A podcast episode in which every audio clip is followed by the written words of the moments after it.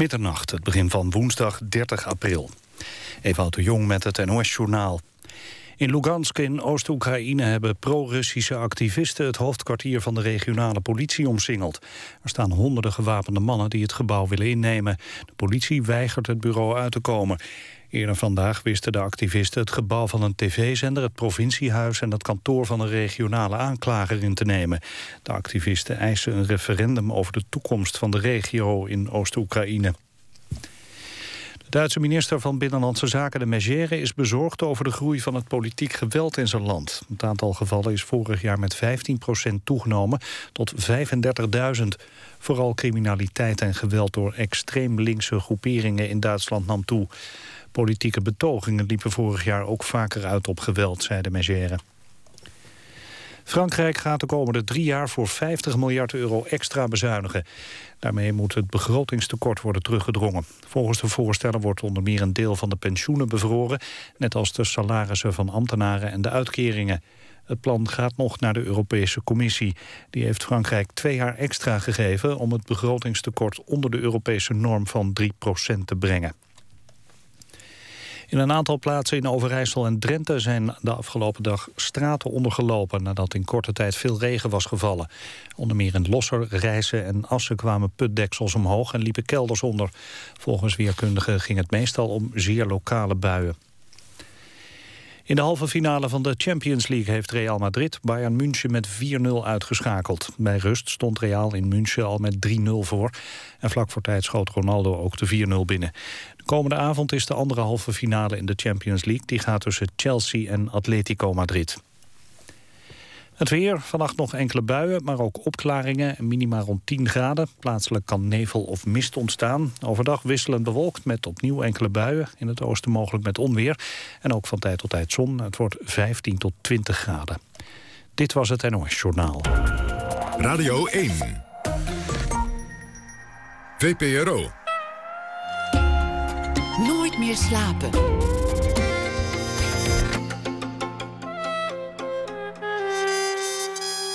Met Pieter van der Wielen.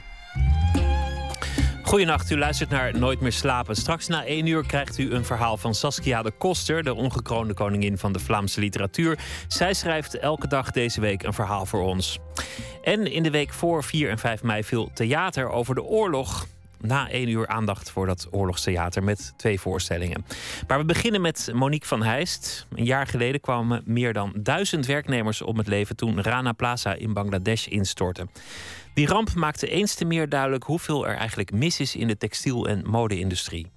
In het Humanity House Museum in Den Haag zijn meerdere exposities te zien over hoe het ook zou kunnen. Ook modeontwerpster Monique van Heist heeft daaraan meegewerkt. Zij is al langer een rebel in de modewereld. Ze heeft haar eigen kledinglijn, maar ze maakt geen seizoenscollecties, maar richt zich op kleding die gewoon altijd mooi en hip blijft. En zelf draagt ze liever geen uitbundige creaties, maar gewoon een perfecte jeans met een shirt en als het even kan, gimpies. Hartelijk welkom. Dankjewel. Heb je eigenlijk het goede beroep gekozen? Nou, dat is een goede vraag. Ik denk het wel, ja. Ja, het is zeg maar, toen ik uh, kind was, toen ja, hoe denk je dan na over een beroep? Ik weet dat ik als kind uh, heel vroeg begon met uh, achter een naaimachine dingen maken. Ik denk dat ik een jaar of tien was. En dat was gewoon iets wat ik deed. En ik denk dat ik pas echt veel later, toen ik eh, 15 of 16 of zo was, dat ik dacht: oh ja, dat is misschien ook wel een beroep of zo. Maar nooit. Ik bedacht nooit, oh, ik word later modeontwerper. Dat is eigenlijk pas ontstaan toen ik naar de kunstacademie ging. En um, ja, dus dat is eigenlijk heel geleidelijk gegaan. Ik denk dat ik stewardess wilde worden of zo toen ik acht was. Heel ander beroep. Maar jij bent volgens mij niet iemand die, die, uh, die zelf modeshows bezoekt of, of modebladen leest? Heb ik wel gedaan, veel. Maar ik uh, heb gemerkt dat, ik, dat het voor mij veel beter is als ik, als ik al die dingen niet zie. Omdat ik eigenlijk op een hele pure manier tot, tot iets wil kunnen komen. En ik denk als je te veel naar andere dingen kijkt, dat je eigenlijk ook veel te veel beïnvloed raakt. En dat, ja, vind ik niet zo prettig. Ik, ik haal liever dan mijn inspiratie of mijn ideeën of hoe, het ook gaat, haal ik dan uit andere dingen dan uit modebladen. Weet je wel wat, wat uh, in is? Want, je onttrekt je er graag aan, maar ben je wel op de hoogte van, nou ja, of het, of het dit seizoen de smalle of de brede pijp is? Of, of, uh, ja, maar dat, kan je ook wel zien door, door goed om je heen te kijken. Als je, als je een paar keer in de tram zit, dan, dan weet je het wel. ja, ik bedoel, ik kijk wel goed om me heen. Ik informeer mezelf wel. En ik denk ook dat dat iets is wat vanzelf gaat. Omdat ik denk als je, als je mijn beroep hebt, dat je op de een of andere manier toch een soort extra zintuig hebt voor dat soort dingen. En, en ik weet niet precies, kan ik niet precies uitleggen hoe dat werkt of zo. Maar ik weet wel dat ik het heb. Dat ik wel kan bedenken, oh ja, dit is interessant. Of dat zou een ding kunnen gaan worden. Ik kan niet per se nu een voorbeeld geven, maar. Ehm, dus dat is wel iets waar, waar ik me van nature heel erg mee bezig hou. Waar je dus ook wel interesse voor hebt. Ja, absoluut. Ik ben wel altijd als ik. Uh, als ik in de, in de tram zit of op de fiets of vaak ook ben, ik ben wel altijd mensen aan het observeren hoe ze eruit zien, wat ze aan hebben, details. Dat, uh, gewoon heel specifiek uh, wat voor sokken iemand aan heeft. Uh, en die informatie die, ja, die, die slaat zich allemaal op in mijn hoofd. En, en op een later moment komt daar een idee uit. Maar er is ook veel mis in, in de, de, de mode-industrie. Het, het, is in, die zin. Nou ja, oké, er is veel mis in, in elke industrie. Er is veel mis in elke sector. Er is ruimte voor kritiek op, op ieder beroep. Maar in de, in de mode, daar is echt veel mis. Jij vraagt er ook aandacht voor, al, al heel lang. Jij, jij bent kritisch tegenover dat beroep. Heb je in die zin het, het goede vak gekozen? Ben je in een, in een leuke sector terechtgekomen? Ja, ik ben daar heel dubbel over. Want ik ben. Uh, ik vind het werk wat ik doe, het ontwerpen van kleding, om, om echt tot goede, goed zittende, mooie kledingstuk te komen, dat vind ik een soort ambacht. Dus dat, daar hou ik heel erg van om, om een, goede, een patroon te ontwikkelen en dat zo te maken dat het ook voor verschillende lichamen uh, goed zit. En uh, tegelijkertijd vind ik de snelheid waarmee dingen gaan. En inderdaad, dat mode in heel veel gevallen een soort wegwerpartikel haast geworden is, vind ik heel kwalijk. Dus het is, soms voel ik me een beetje in een soort spagaat zitten, omdat ik het ambacht van mijn werk, ja, daar hou ik heel erg van. Daar, daar zit ook heel erg mijn kwaliteit. En ik vind ja, de, de manier waarop mode op ons op dit moment wordt voorgeschoteld, dat staat mij eigenlijk heel erg tegen. Vind ik een moeilijke kwestie, zeg maar. Dus ambachtelijk gezien zit ik aan de goede kant, maar de wereld eromheen, ja, die, die spreekt me gewoon toch minder aan. Terwijl lukt, lukt het je om, om je daaraan te onttrekken? Kun je dat, dat werk doen zonder deel te nemen aan, aan de wereld? Uh, ja, dat denk ik wel. Ik bedoel, het is niet zo dat ik me er helemaal aan onttrek, maar ik, uh, zo doe ik het. Dus ja, ik denk ook dat het. Uh, dat, men, dat misschien veel mensen die binnen de mode werken... denken dat ze overal aan mee moeten doen. Maar dat is helemaal niet waar. Ik denk als je gewoon ergens heel goed in bent... en je levert een goed product af, dan, dan ben je er al. Zeg maar. je hoeft niet, ik, ik vind niet dat ik overal mijn gezicht hoef te laten zien... of of overal naartoe hoef te gaan om, om uh, de dingen die ik uh, doe, uh, in, ja, dat daar bekendheid voor is en dat mijn kleding verkocht wordt in winkels. Nee, maar je, je onttrekt je wel aan misschien aan een bepaald schoonheidsideaal of aan een bepaald beeld van wat mode is. Of je moet misschien toch deelnemen aan een bepaalde wijze van marketing om je, je kledingstukken aan de man te brengen. ja, maar dat doe ik ook wel, maar wel op mijn eigen manier. Laten we het hebben over uh, de ramp. Want het is afgelopen week een jaar geleden. Uh, Rana Plaza, een, gebouw dat instortte. Uh, de verhalen zijn denk ik wel bekend. Het is, het is heel uitvoerig in het nieuws geweest een jaar geleden. Um, het gebouw was al aan het trillen. Het was al bekend dat het op instorten stond. Andere bedrijven hebben, hebben hun kantoorruimte ontruimd. Alleen die, die textielindustrie die zei ja, doorwerken, productie draaien. Werknemers probeerden te ontvluchten en, en de deur werd afgesloten. Uh, mensen hebben nauwelijks schadevergoeding gehad. En, en de nazorg is zo slecht geweest dat zelfs nu nog er menselijke resten te vinden zijn in, in, die, in, die, in die puinzooi. Het heeft heel veel discussie teweeggebracht. We luisteren naar uh, eh, RTL Boulevard, waar uh, Albert Verlinde, nou ja, misschien toch wel rake dingen zegt.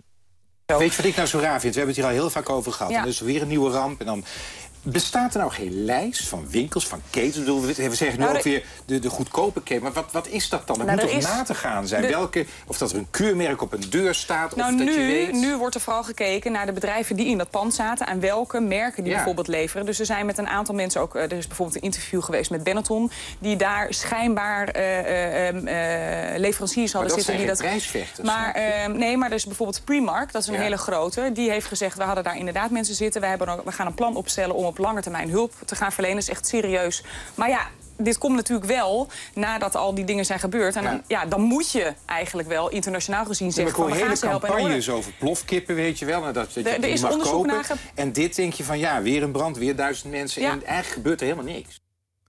Heeft hij, niet gewoon, uh, heeft hij niet gewoon een beetje gelijk? Er gebeurt er eigenlijk uiteindelijk niet zo ontzettend veel. Ja, ik vind dat hij gelijk heeft. Kijk, het, uh, het probleem, tenminste zoals ik het zie... ik ben echt geen expert op dit gebied, maar zoals ik het zie, is wat er binnen de modewereld gebeurt, is het, zeg maar, uh, bedrijven uh, willen steeds meer kleding produceren. Merken maken steeds meer collecties per jaar. Waar er vroeger één of twee collecties per jaar werden gepresenteerd, zijn het er bij sommige bedrijven misschien wel tien. En uh, er wordt steeds meer reclame gemaakt voor kleding, waardoor wij, zeg maar, als je op straat loopt of je kijkt tv, wij worden overspoeld met input over kleding die we zouden moeten aanschaffen. En, uh, en wat er gebeurt is ook, als je iets leuks ziet, dat je ook denkt, oh leuk, ga ik kopen. Dat is heel, dat merk ik bij mezelf ook. Denk, oh ja, ga even op internet zoeken waar ik dat kan kopen, waardoor, de, waardoor er ook steeds meer kleding geproduceerd gaat worden. Waardoor de druk op al die uh, bedrijven die die kleding uh, maken, die wordt steeds groter. Omdat de bedrijven die het verkopen, ja, die willen, die willen gewoon zoveel mogelijk kleding verkopen. Maar niemand vraagt zich af, ja, hebben we überhaupt al die kleding nodig? Ik denk altijd, als ik naar mijn eigen klerenkast kijk, dat ik mijn garderobe makkelijk met tien andere mensen zou kunnen delen. En dat we allemaal iedere dag hartstikke leuk eruit zouden kunnen zien. Maar het is gewoon een soort heel groot um, ja, een hele grote geldstroom die maar rond blijft gaan. En, en niemand denkt, of ja, niemand, dat is natuurlijk heel kort door de bocht, maar zeg maar, de, er is. Ik bedoel, grote bedrijven doen misschien net alsof ze er echt iets aan gaan doen. Maar ik denk dat het nog heel lang duurt voordat het gaat veranderen. Ik bedoel, ik zat maar net... veel van die merken zeiden, uh, wij dachten dat we het op orde hadden. Maar wij werken met toeleveranciers en stroommannen. Dat is natuurlijk voor een deel een excuus. Maar voor een deel wil ik ook nog best geloven dat, dat daar een, een kern van waarheid in zit. Dat zij zelf al lang geen zicht meer hebben op wie precies wat inkoopt bij wie. Omdat het een branche is met haast. Ja, en dat is heel, heel erg eigenlijk. En een enorme concurrentie op, op prijs. Ja, maar het erge is dat er zoveel haast achter zit. Want waarom eigenlijk? Het is niet zo dat als het een week later uh, er is, dat wij in ons blootje op straat lopen of zo. En dat, dat vind ik zoiets geks. Dat het gewoon, het moet allemaal steeds sneller. En uh, ja, eigenlijk onbegrijpelijk. Maar de simpelste oplossing is, is toch als de consument uh, zou zeggen: Nou, ik betaal wat meer voor mijn shirt. En ik, ik vraag gewoon naar uh, waar het gemaakt is, hoe het gemaakt is. Of ik koop een merk waarvan ik echt zeker weet dat het, dat het daar niet mee gerommeld heeft. Of, ik, of sterker nog, ik ga naar de kleermaker om de hoek en ik kijk gewoon toe hoe die het maakt. Ja, dat zou het allerbeste zijn. Maar ik denk dat dat, uh, dat, dat nog een, uh, dat is een heel dat nobel streven. En uh, dat, ja, dat, daar zal veel werk voor verzet moeten worden. Ik dacht net, het zou toch mooi zijn als heel de mode-industrie besluit om gewoon een jaar geen kleding te maken. Eens kijken wat er dan gebeurt. Ja, dan ligt, heel die, dat, ligt dat helemaal economisch op zijn gat. Maar het zou toch nou, er zouden heel wat hip geklede mensen bij het UWV in de rij staan, denk ik. Hoe bedoel je? Qua werkloos, baan kwijt. Ja, oké, maar goed, ik probeer daar dan een beetje op een filosofische manier over na te denken, zeg maar. Omdat ik, ja, kijk, ik doe ook mee aan, aan kleding laten maken, maar ik, ik probeer er wel over na te denken, zeg maar, wat ik kan bijdragen aan dat het niet uit de hand loopt, zoals in Bangladesh gebeurt. En uh, het, het, het punt is ook dat als je naar uh, Hennes en Maurits gaat... of naar Zara of naar Primark... en je koopt daar iets, je koopt daar een t-shirt van 5 euro... Kijk, ik denk dan, dat kan gewoon niet voor 5 euro. Er is, het is gemaakt, er is stof ingekocht... er is iemand heeft uh, salaris moeten krijgen. Hoe kan dat voor dat geld? Maar de meeste mensen denken: oh, dat is goedkoop, dat is leuk, dat koop ik. Als ik het niet meer leuk vind, gooi ik het weg. En dat is de norm geworden. Terwijl als maar je... zelfs, zelfs al koop je een t-shirt van, van, van 80 euro, dan is waarschijnlijk de productie. Kost, zijn de productiekosten van het t-shirt niet eens zo ontzettend veel hoger dan dat van 5 euro, omdat het verschil voornamelijk zit in de marketing, in de reclame. Dan koop je een t-shirt van een hip merk. Nou, die hebben enorm in dat merk geïnvesteerd. Dus dat wil helemaal niet zeggen dat de productiekosten daadwerkelijk hoger zijn. Nee, dat klopt. En dat is ook het moeilijke eraan, dat het heel moeilijk te traceren is. En, uh, maar ik denk zelf dat het. Uh, dat dat het heel erg begint bij onszelf. Dat wij onszelf moeten afvragen: ja, moeten we al die spullen kopen? Hebben we het allemaal nodig? Dat zeg maar, ik denk dat. Weerbaar worden tegen de verleiding en de reclame. Ja, maar dat is natuurlijk heel moeilijk, omdat uh, het mode is de laatste jaren zo'n actueel iets geworden. Er zijn heel veel programma's over mode op tv. Er zijn heel veel bladen, blogs, uh, internet, heel veel webwinkels. Dus wij worden continu verleid. En wij hebben, krijgen ook continu het gevoel ja, dat, we, dat we het nodig hebben. Maar ja, hebben we het nodig? Ja, we, nou ja, hebben wel kleren nodig, maar... Het raakt aan je identiteit. Ik bedoel, kleding is niet alleen maar iets om, om geen kou te vatten. Kleding is, is een manier om te communiceren met de rest van de wereld over de essentiële vraag wie jij bent. Ja, maar dat is een goede dat je dat zegt. Maar wat ik wel vind is dat... Uh, Oké, wij kunnen onze identiteit vormen met, met ons kleedgedrag. Maar doordat er zo'n heftige hoeveelheid reclame op ons afkomt, kan je afvragen in hoeverre je eigenlijk je eigen identiteit vormt. Omdat je heel erg geprikkeld wordt om er op een bepaalde manier uit te zien. Omdat de, dat de mode zogenaamd zegt: oké, dit seizoen is het die kleur en uh, deze vorm. En volgend seizoen uh, hebben we weer zo'n soort rok. Dus de vraag is, zijn wij nog in staat om die beslissing zelf echt te maken? Ik vind dat zelf een behoorlijk uh, interessant onderwerp. Of de reclame helpt ons daarbij door bepaalde uh, waarden of, of uh, facetten van een identiteit uit te beelden. He, de, de, een bepaald merk of een bepaald soort broek past bij de, de, de hippe, vlotte jongen die je graag wil zijn. Dan, dan wordt het alleen maar makkelijker. Je, je koopt die broek en dan draag jij die waarde van de reclame ook uit. Nee, want dan loop je eigenlijk reclame voor dat merk, toch? Ja, maar daarmee ben jij dan ook een typisch, uh, weet ik veel, wat voor merkachtig ja. iemand. Ja. Maar goed, ik, nog steeds denk ik dat als al die reclames er niet zouden zijn. En wij worden veel meer zelf aan het denken gezet. Want kijk, niemand wil afwijken van de norm.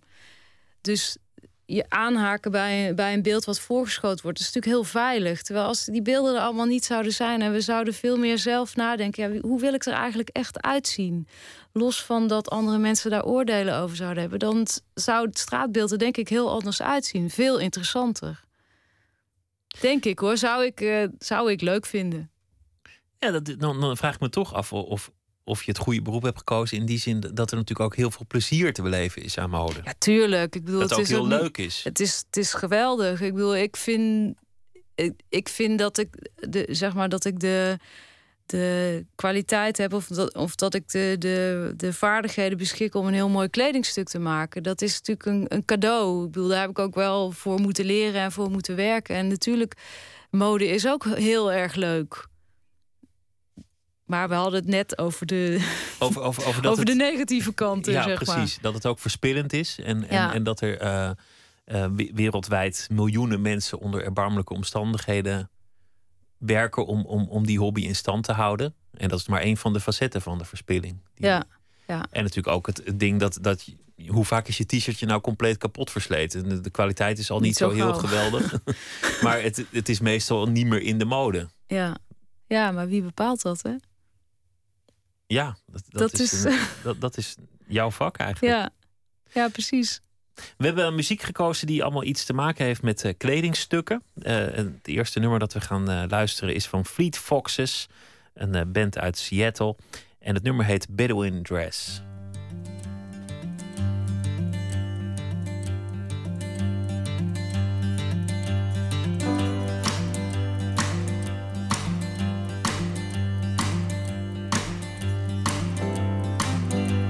To borrow return, I have borrowed all my lonesome life, and I can't, no, I can't get through. The borrower's debt is the only regret of my youth.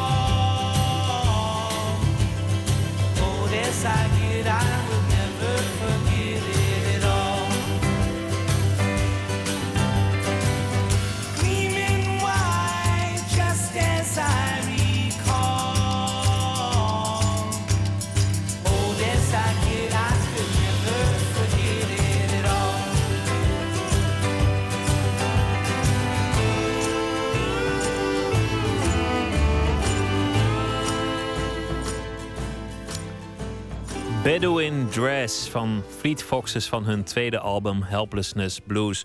U luistert naar uh, Nooit meer slapen in gesprek met Monique van Heijst over uh, de, de mode en wat er allemaal goed en minder goed uh, aan is. Je wilt het zelf anders doen, dan is het eerste waar je mee moet beginnen om, om nou ja, die, die honger naar steeds meer kleding te stillen. En dat is eigenlijk door iets te maken dat tijdloos is. Een, een, een collectie te maken die niet seizoensgebonden is, die niet aan de mode gebonden is. Hoe doe je dat eigenlijk als ontwerper? Hoe kun je ervoor zorgen dat iets over vijf jaar nog draagbaar is?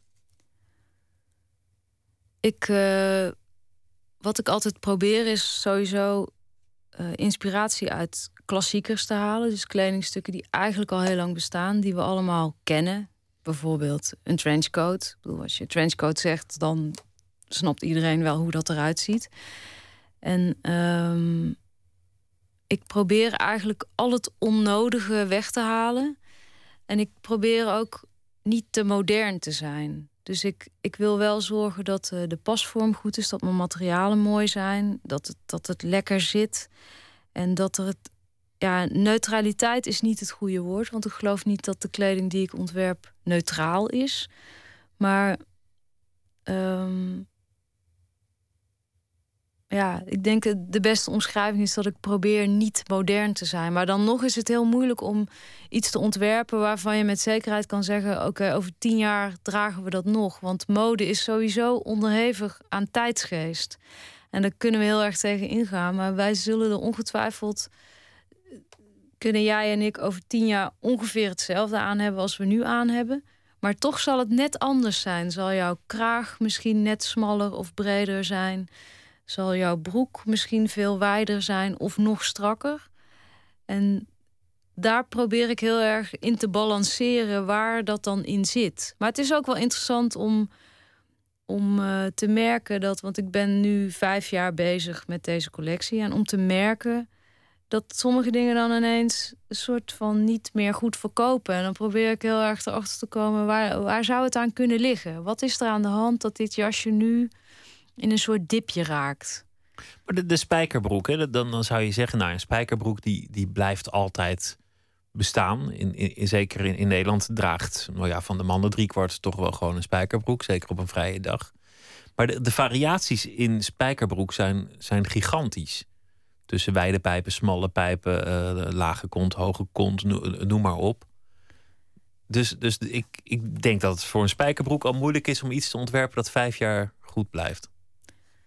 Uh, ja, dat denk ik ook omdat uh, ik denk dat uh, jeans dat dat heel erg een soort maatstaaf is over wat, wat er in de mode aan het gebeuren is. Ik denk vijf jaar geleden, even kijken, nou drie jaar geleden hadden we veel lagere broeken en waren de pijpen nog niet zo heel erg smal. En nu gaat de taille omhoog en zijn de pijpen smal en daarna blijft de taille hoog en worden de pijpen weer rechter. En maar het kan ook ermee te maken hebben dat, dat wij als mens dan denken: oh, nu wil ik iets anders of zo. Het is natuurlijk het is moeilijk te vatten waar dat dan precies door komt of zo. Maar wel interessant. Heb je er gedachten over waar dat door komt, waar dat begint? Zijn dat toch de ontwerpers of, of begint het elders? Uh, ik denk dat het uh, te maken heeft met wat er überhaupt in de wereld gaande is. Echt met tijdgeest in, in de zin van de moraal, de politiek, de. Ja, ik denk het wel. Ik, ik, denk dat het daar heel erg mee te maken heeft. Ehm, ik bedoel, in tijden van oorlog, er zijn veel oorlogen geweest eh, de afgelopen jaren. Dan is groen vaak een, groen, leger groen, camouflageprint. Het is natuurlijk eigenlijk heel morbide dat, dat we dan daar onze inspiratie uit halen. Maar het is een feit. Ik dacht dat ik een grapje maakte toen ik groen zei, maar dat, dat is echt zo. Dat is echt zo, ja. ja dat zijn dingen, dit, let er maar op. Er zijn veel mensen die legerachtige kleding dragen. En, In tijden eh, van oorlog. Ik, ik heb, ik denk geloof ik, ja. nog geen tijden van oorlog meegemaakt. Nou, crisis. Laten we, laten we crisis als voorbeeld nemen. Want dat, daar, daar ging het de afgelopen vijf jaar onophoudelijk over. Wat voor effect heeft dat op, op kleding? Wordt het dan minder uitbundig? Of juist uitbundiger? Zijn, zijn, zijn daar wetten voor? Ja, ik weet alleen zo'n uh, lipstickwet dat in tijden van crisis dat er meer rode lippenstift gedragen wordt. maar dat, uh, dat weet ik niet zo goed. Ik, ik denk wel dat uh, de laatste jaren dat mensen zich veel neutraler zijn gaan kleden, veel veiliger.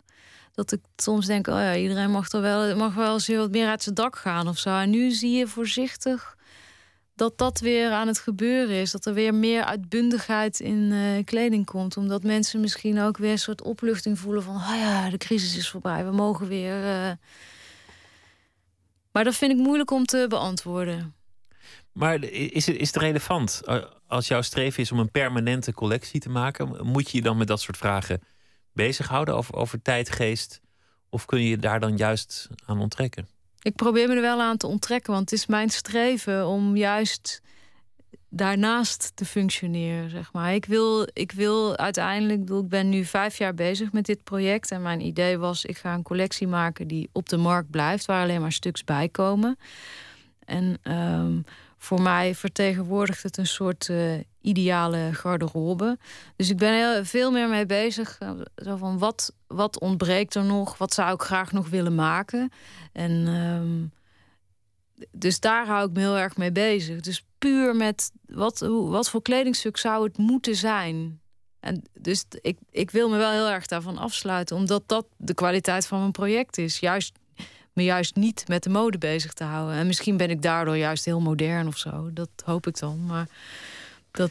Ja, of je bent uh, zoals een stilstaande klok uh, twee keer per dag. Dus, uh, dat is een vaak verteld citaat. En een stilstaande klok heeft twee keer per dag gelijk.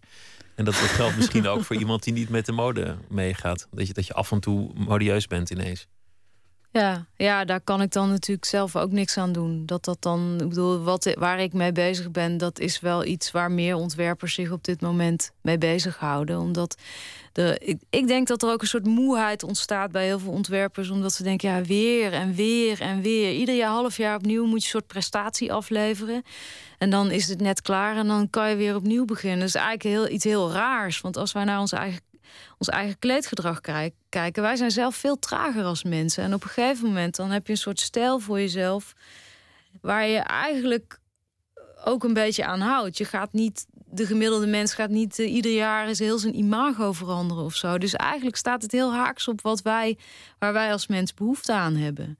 En het, het begon ook heel erg bij mijn eigen behoefte. Dat ik dacht, ja, maar als ik een broek koop En die broek is fijn, dan wil ik hem nog een keer en nog een keer en nog een keer kunnen kopen. Maar dat kon heel vaak niet. Ik raakte daar best gefrustreerd van. Had je eigenlijk de perfecte jeans en dan was die niet meer in de mode? Kon je hem niet meer vinden? Ja, precies. Dus wat ik, wat ik dan vaak deed, is dan maar gewoon twee van die broeken kopen. Dat ik in ieder geval wist als er één versleten was, dat ik er nog één had.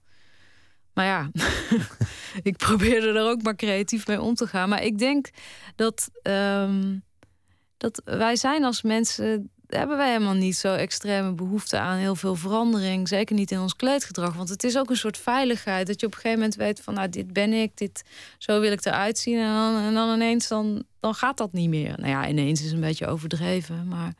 Op welke leeftijd had jij je eigen stijl van, van kleding, zeg maar? Want je zegt dat verandert niet zo vaak. Op een gegeven moment blijf je toch een beetje volgens dat patroon kleden. Mm, ja, ik denk misschien vanaf mijn dertigste of zo.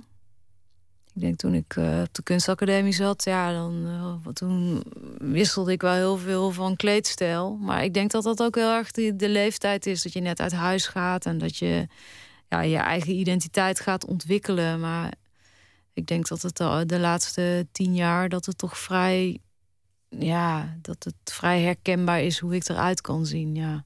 En valt dat samen met de kledinglijn, Monique van Heijs? Dus de stijl van de kleding die je ontwerpt en de, stijl van de kleding die je draagt, is daar een overeenkomst?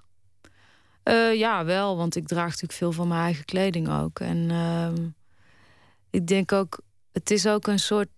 Een, het is ook een handschrift zoals een schilder of een tekenaar een handschrift kan hebben. Heb ik ook een handschrift in hoe mijn kleding ontworpen wordt en hoe het eruit ziet en hoe het afgewerkt wordt. En dat ben ik. Dus dat, ja, dat hoort wel bij mij ook, ja. Je wordt in, in aardig wat winkels uh, uh, verkocht. En, en nou ja, het, het merk groeit, zeg maar. Het, het, het, loopt al een hele tijd. Waarom lukt het eigenlijk? Waarom lopen zoveel merken in, in een red race mee en, en verspillen heel veel geld en moeite aan, aan marketing en mode en, en trendwatchers en al dat soort dingen? En waarom lukt het jou eigenlijk om daar doorheen te fietsen? Voorziet het in een behoefte of is er een andere reden? Um, ja. ja, het voorziet in een behoefte, want anders zou het niet op, eh, in verschillende winkels verkocht worden. Maar en ik denk is die ook, behoefte ook echt dat het, dat het niet modieus is? Of, of niet specifiek modieus? Uh, ja, ik denk dat het met verschillende dingen te maken heeft. Omdat ik, uh, ik probeer me heel erg ermee bezig te houden dat als ik een kledingstuk ontwerp, dat uh, iemand uh, met een maat 34 het aankomen, dat een uh, vrouw maat 42 diezelfde jurk ook aan kan en ook goed eruit ziet. En dat vergt wel een bepaalde blik op hoe een kledingstuk eruit moet zien. Of, of hoe het ja, ingesnoerd kan worden of ruimer gedragen kan worden. En dat, daar probeer ik me heel erg in te verdiepen. Dat het dus niet bij die vrouw maat 34 heel goed staat en dat het bij die vrouw maat 42 niet goed staat. Het moet bij alle twee goed staan.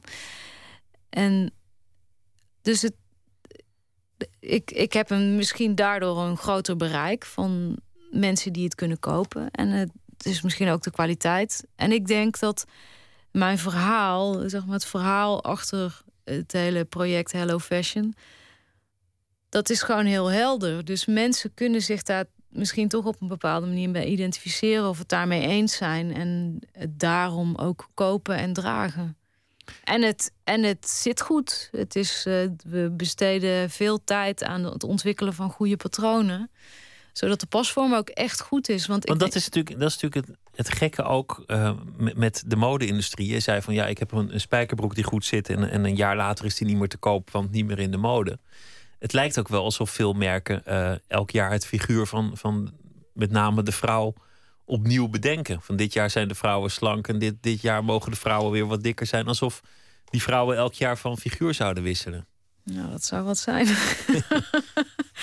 ja, maar ik denk ook, kijk, de mode-industrie is natuurlijk, het is, daar wordt super ontzettend veel geld in verdiend. Dus, dus grote bedrijven zullen ook alles eraan doen om zoveel mogelijk omzet te maken. En uh, kijk, ik verdien ook mijn geld hiermee, maar ik, voor mij gaat het niet echt niet alleen maar om geld. Ik sta ook heel erg voor mijn ambacht en dat staat voor mij voorop. En... Maar als ze zoveel geld willen verdienen, dan ik bedoel, er zijn meer, kijk maar op straat, er zijn meer mensen wat eerder wat dikker dan, dan wat dunner, denk ik. Maar er zijn maar heel weinig mensen zo dun als de modellen op de catwalk. Ja, dat is ook heel raar. Er zijn, het zijn vaak uh, meisjes van uh, 16, 17 in kleding die gekocht kan worden door uh, mensen met veel geld en een andere leeftijd. Dus ik, ik begrijp dat ook helemaal niet. Dat het, dat het nog steeds op zo'n cliché manier gedaan wordt. Kijk, het is een gegeven dat een, een uh, slank meisje wat mooie make-up op heeft, dat daarop oogt de kleding heel mooi. Maar eigenlijk is het, is het een soort bedrog of zo. Ik kan daar echt vrij slecht tegen, omdat ik denk, ja, dan kijken we in een blad naar, naar iemand die we niet zijn en die veel jonger is. En dan moeten wij bedenken, oh, die jurk wil ik hebben. Het, ik vind het heel gek. Maar ja, het is natuurlijk ook het, het, het, rijke. Niemands spiegelbeeld gehoorzaamt nog na, na een bepaalde leeftijd. Dat als je in de spiegel kijkt, dan, dan zie je toch niet wat je, wat je in je hoofd zou zien. Ja, dus het is ook teleurstelling. Dan, het, het is één grote teleurstelling. Ja. Maar, maar waarschijnlijk is dat ook de reden waarom mensen in een blad toch eerder geneigd zijn iets te kopen als het, als het op, een, op een jong lijf geprojecteerd staat.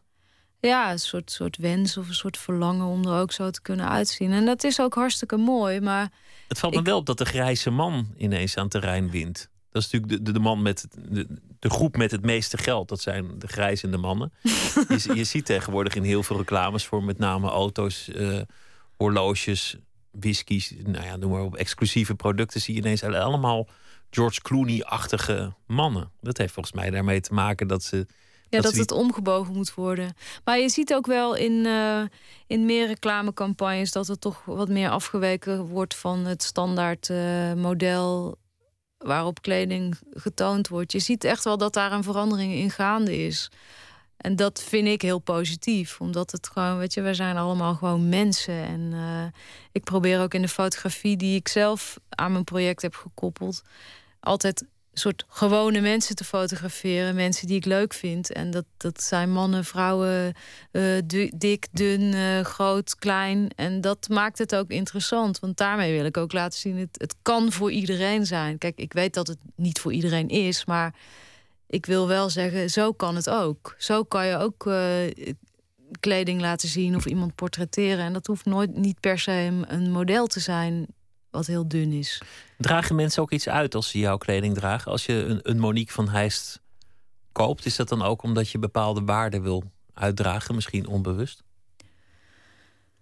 Um, dat zou kunnen. Maar ik denk dat uh, mensen om allerlei verschillende redenen een kledingstuk van mij kopen. Ze vinden het mooi, ze vinden het lekker zitten, ze vinden. Uh, het merk spreekt ze aan. Maar dat is natuurlijk zeg maar, ik zit aan de ontwerptafel. Ik heb in die zin niet super veel contact met de, mensen die mijn kleding dragen. En um, ik, ik denk altijd, uh, ze kopen het omdat het uh, bij hun past. Of, of, omdat ze het mooi vinden en dat ze het lekker vinden zitten. En, en een deel van de mensen zal inderdaad het kopen omdat het verhaal hun ook aanspreekt. Maar ik denk, als je een kledingstuk koopt, koop je het in basis omdat je het mooi vindt en omdat het, dat je het mooi vindt staan. Ik denk ook dat je een kledingstuk koopt omdat je, dat je bepaalde. omdat je ergens bij wil horen, ergens niet bij wil horen. Om, omdat je iets wil uitdragen. Ik denk dat het een soort communicatie is. Ja. En, en, en marketing helpt bij communicatie, omdat een bepaald merk hoort bij een bepaalde groep of, of gedachte of filosofie. Dus, dus in die zin doe jij eigenlijk misschien ook aan marketing. Uh, Met het verhaal. Dat is gewoon ook een, een ja, marketing. tuurlijk, want het is mijn verhaal. Ja, ja, dat kunnen we marketing noemen, ja. Ja, ja Diesel dat... zegt vrijgevochten jonge mannen. En, ja. en, en, jij zegt uh, mensen die het anders willen doen. Ja, maar dat mag toch? ja, toch nee, nee het is niet, niet, niet dat ik het erg vind. Nee, ja, maar ik denk, ja, het wordt marketing genoemd. Kijk, dit is gewoon mijn verhaal. En uh, dit, ik heb ervoor gekozen om het zo te doen. En... Uh, het, ik ben blij dat er over geschreven wordt. En ik heb ook een persbureau wat mij daar mee helpt om dat verhaal zo duidelijk mogelijk naar buiten te brengen. En, uh, maar ik, het is niet zo dat ik dat de hele dag loop te verkondigen of zo. Dat ik de hele dag roep, ja, het is voor iedereen. En ik, ik ben gewoon vooral bezig met het ontwikkelen van goede kleding. Je zei, als ik in een, in een, in een tram zit, dan kijk ik altijd naar andere mensen uh, wat ze aan hebben. Waar let je dan op en, en wat vind je mooi? Wat bewonder je? Uh, ja, dat, soms, vaak zijn het mensen die echt een beetje vreemd gekleed gaan. Omdat ik toch dan wel op zoek ben naar meer de paradijsvogels eigenlijk. De mensen die juist de keuze maken om, om heel, heel raar eruit te zien. Ik weet dat ik heel lang geleden ooit een verhaal las over een vrouw die wist nooit welke kleur kleren ze aan moest doen. En toen had ze besloten dat ze voortaan alleen maar wit ging dragen. Vond ik echt een heel mooi verhaal. Omdat ik dacht, ja, die vrouw kiest in ieder geval iets. En, en soms het, kan het, het zijn vaak heel gedetailleerde dingen. Dat ik een man op de fiets zie in een werk overal met een, met een kruis om zijn nek of zo. Dat, en dan gaat ga ik daar zelf een heel verhaal bij verzinnen. Oh, die man, wat zou die doen en waar gaat hij naartoe? Het is een soort fantasie die bij mij ook geprikkeld wordt. Over wat, misschien wat heeft hij nog meer in zijn kast hangen of zo. En, uh, of een riem die iemand om heeft, of dat sokken die iemand aan heeft. Het is. Of, of iemand uh, in de rij van de supermarkt met een heel overdadig gebreide mohair trui. En dan denk je, ja, is die trui nou zelf gebreid? Of dat je echt denkt, waar koop je dat of zo? Dat, dat heb ik vaak. Dat ik mensen dat ze dingen aan hebben en denk, waar zou dat vandaan komen? En eigenlijk zou ik het gewoon moeten vragen of zo. Maar ik vind het dan soms nog interessanter om het gewoon in mijn hoofd een eigen verhaal te laten zijn. Dat is wat ik erover kan zeggen. Ja, je hebt, je hebt nu zo'n datingprogramma bij de commerciële televisie waar ze, waar ze zonder kleding het, het doen. Ja. Dat vond, vond ik een heel grappig idee. Want, want het maakt zoveel uit bijvoorbeeld Barack Obama bij zijn eerste verkiezing had één werknemer die de hele godganse dag met een, met een rek vol witte, strak gesneden en, en uh, gestreken blouse achter hem aanliep, zodat hij altijd een perfecte blouse aan had. Die, die wisselde elk uur, moest Obama een nieuwe blouse aandoen. Ja. Ik denk dat dat, dat dat veel belangrijker is geweest dan dat, dat Yes We Can en wat hij inhoudelijk te melden had en wat precies zijn visie was op de, op de rentelast van, van de Verenigde Staten. Je bedoelt dat hij altijd een strak wit overhemd aan had? Ja, als, als, hij, als hij elke keer een koffiekring had gehad of een zweetplek, oh, dan was, zo. hij, was ja. hij toch gewoon niet geworden. Ja, ja, kan je reëel in zijn, denk ik. Ja. ja, maar ik denk ook, we moeten ook niet onderschatten wat, zeg maar, de, sowieso kleding, dat, is, dat communiceert van alles, de hele tijd natuurlijk. En dat het zit ergens in ons, in ons onbewuste. Of ons bewuste, dat weet ik niet. Maar um, dat maakt mijn vak, vind ik ook wel fascinerend. Dat je wel. Dat, ik vind het wel interessant dat ik daar iets aan bijdraag. Of en dat er dus uiteindelijk niemand echt aan die, aan die knoppen kan zitten. Dat je dus ook niet een merk kunt maken. Dat een merk je eigenlijk ook door de vingers kan glippen. Want als iemand die kunst 100% zou verstaan, dan, dan zou die het wel doen. Maar een merk heeft er ook geen grip op dat ze ineens uit zijn of, of dat ze niet meer meedraaien.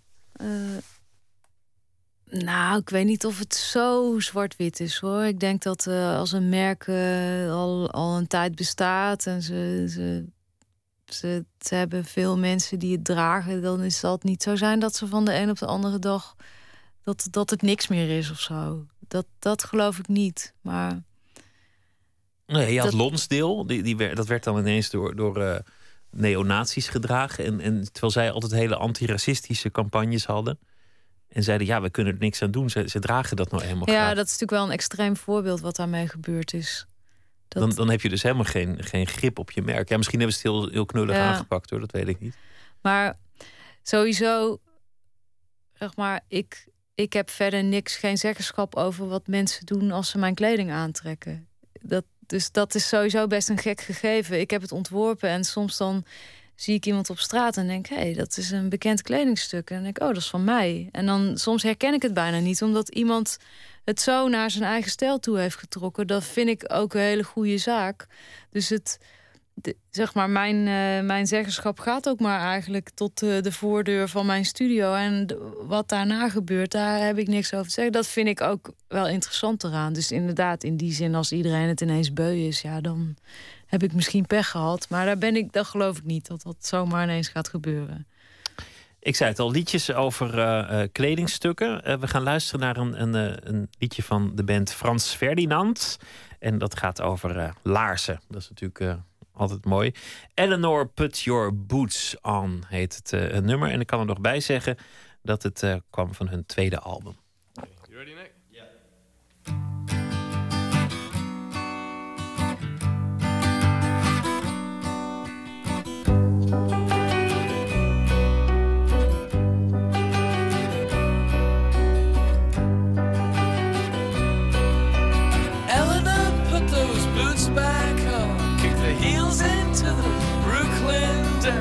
I know it isn't dignified to run, but if you run, you can run to the Coney Island roller coaster, ride to the highest point and leap across the filthy water, leap until the Gulf Stream's brought you down.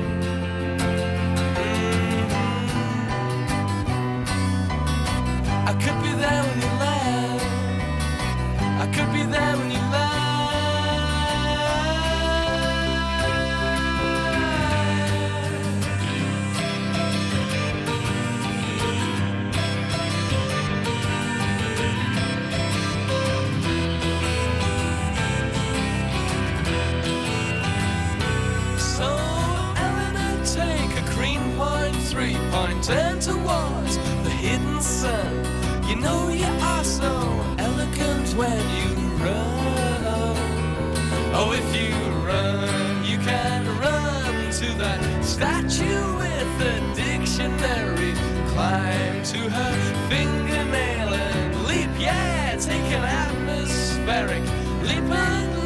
Jet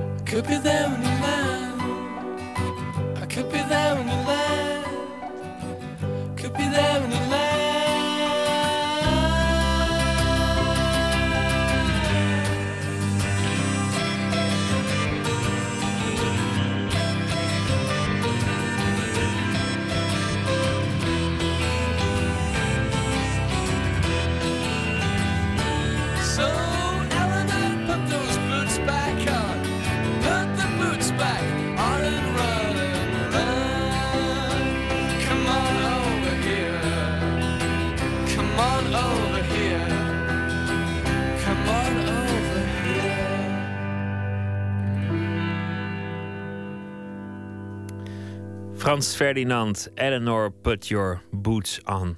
Nooit meer slapen luistert u naar in gesprek met Monique van Heijst over eh, haar kledinglijn en over eh, de, de mode-industrie hadden we het. Je bent, eh, je bent geboren in, in een dorp in, in Limburg.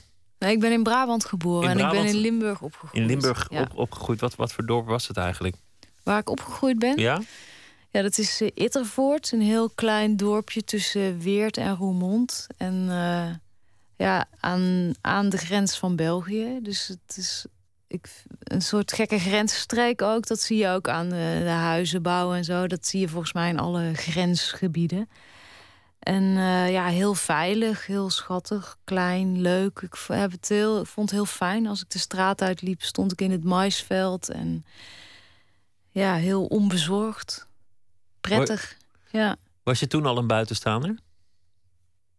Ehm, nou, Ben ik nu een buitenstaander? ben, ja, precies. Ben ik nu een buitenstaander? Ehm, nee. Nee, maar ik voel me ook geen buitenstaander. Het is gewoon een positie die je kan aannemen natuurlijk. Het is een positie die ik inneem binnen de mode. Maar dat wil niet zeggen dat ik eh, letterlijk een buitenstaander ben.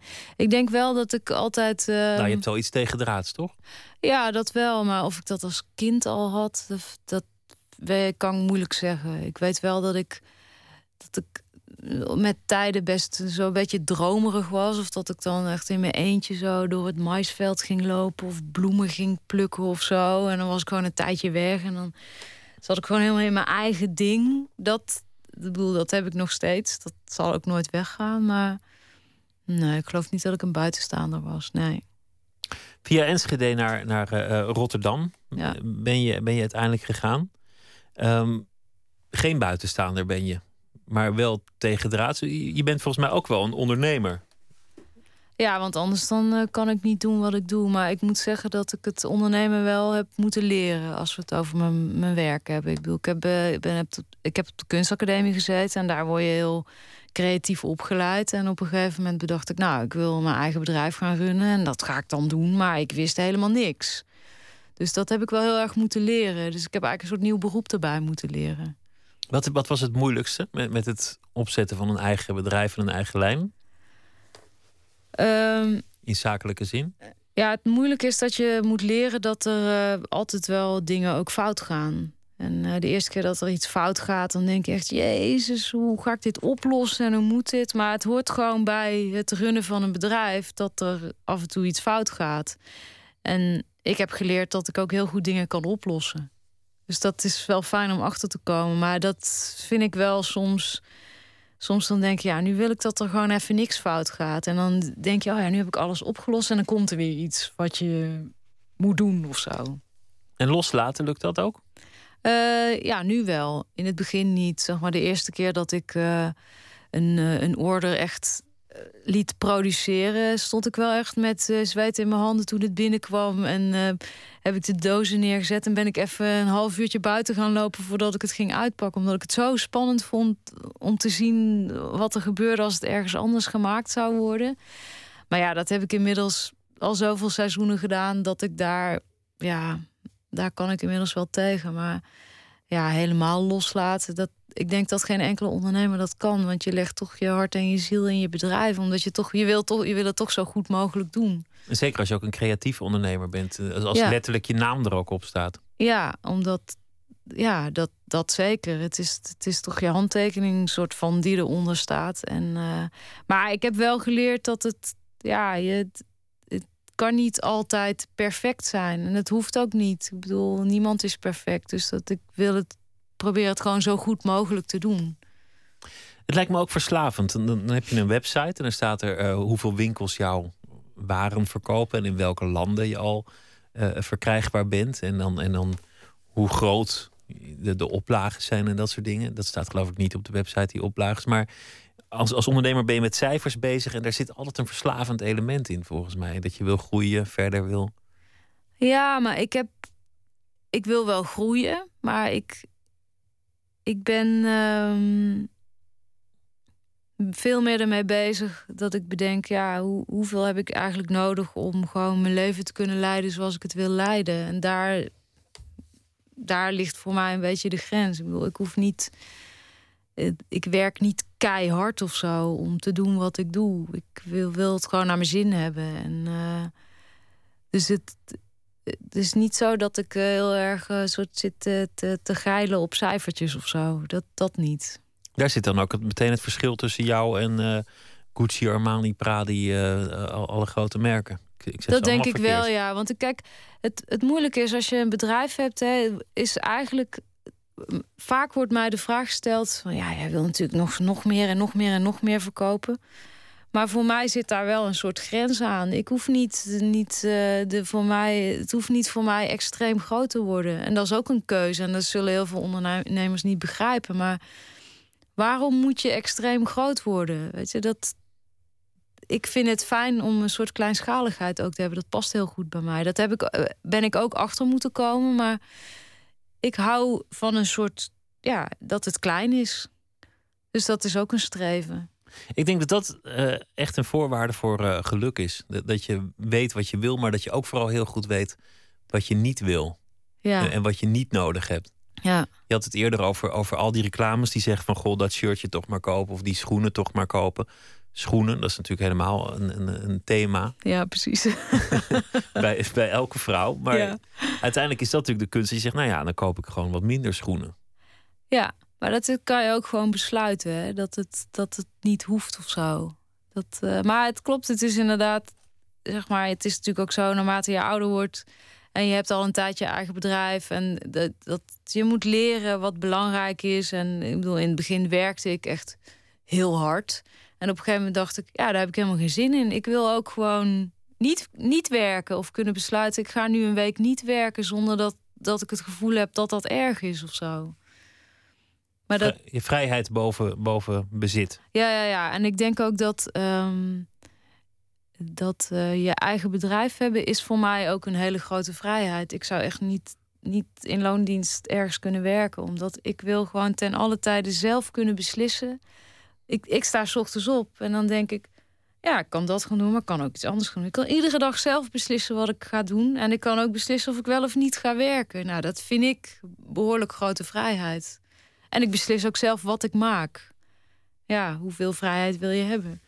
En die schoenen laten liggen, lukt dat echt? Ja, Ja? Ja, ik heb wel, ik moet zeggen dat ik tien jaar geleden veel meer schoenen kocht. Maar nu denk ik, ja, ik heb. Ik weet niet of ik veel schoenen heb hoor. Maar ik, uh, nee, ik koop niet heel veel schoenen. Nee.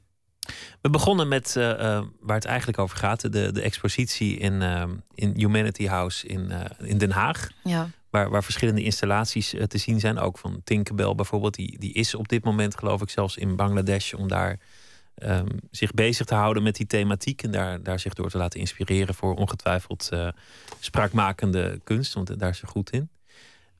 Een van de oplossingen zou kunnen zijn, wat, wat, wat heel erg hip is, gek genoeg. Lokaal geproduceerde kleding. Zie, zie dat er ooit van komen? Dat, dat mensen gewoon, zoals je naar een warme bakker gaat, naar een atelier gaat, die gewoon voor jou een pak maakt. Ik denk dat dat een hele, hele, hele goede oplossing is. Want ik geloof heel erg in uh, kleinschaligheid. En ook dat, dat er veel meer kleine ambachtsondernemingjes weer ontstaan. We hoeven niet heel ver weg om dingen te, te laten maken of zo. Ik denk dat het voor mensen ook heel interessant is om veel meer te leren dat je ook zelf dingen kan maken. Ik heb in de tentoonstelling uh, geef ik een uh, patroon vrij van een kledingstuk uit mijn collectie. En wat ik eigenlijk wil zeggen is: probeer het een keer zelf. Probeer eens zelf een kledingstuk te maken, of je nou wel of niet kan naaien. Um, dan snap je ook hoe het werkt. Dan krijg je meer respect eigenlijk voor überhaupt de mensen die het maken in al die fabrieken, maar ook dat je iets zelf kan maken. Of dat je, het, dat je inderdaad zelf naar een kleermaker toe zou kunnen gaan om het te laten maken. Ik, ik denk dat het, dat het heel erg uit de hand is gelopen met dat alles maar heel ver weg gemaakt moet worden. Het is helemaal niet nodig. Nee, aan de andere kant kan je ook zeggen, dan hebben ze daar, als, als ze tenminste behoorlijk betaald zouden worden en behoorlijke arbeidsomstandigheden zouden hebben, dan hebben ze daar ook een, een, een manier om zich aan de armoede te ontworstelen door handel en nijverheid. Ja, dat is zo. Maar je kan je ook afvragen of dat uh, onze taak is. Om mensen die heel ver weg wonen eh, in hun levensonderhoud te voorzien. Dus het klinkt heel hard dat ik dat zeg. Maar wij zitten hier en wij willen in dit geval, omdat we het over kleding hebben, wij willen kleding hebben.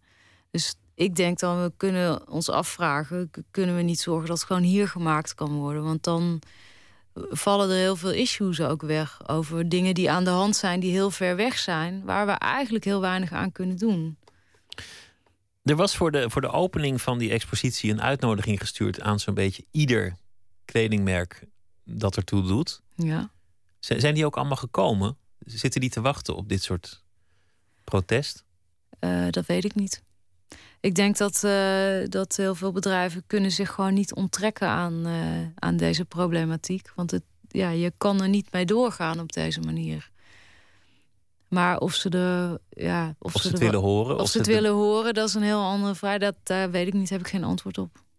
Het lijkt me ook lastig voor een merk, want op het moment dat je dat debat aangaat, dan moet je ook ja, openheid van zaken geven. En, en dan maak je jezelf ook in zekere zin kwetsbaar. Want als je zegt dat het allemaal klopt en het blijkt niet zo te zijn, dan, dan zullen ze je nog veel zwaarder vallen.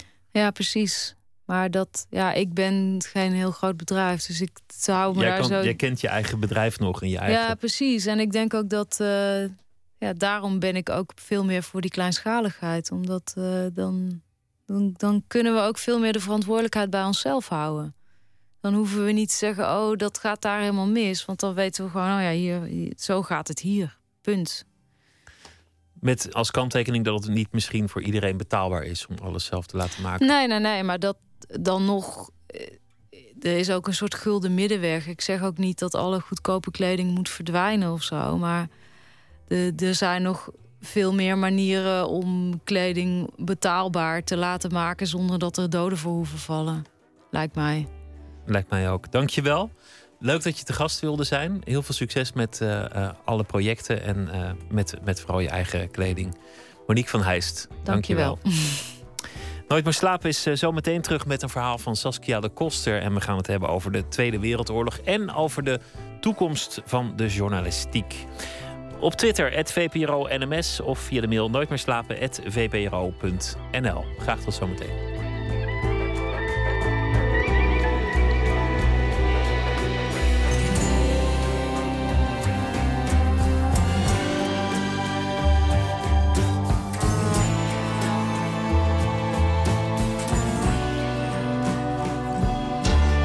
Radio 1.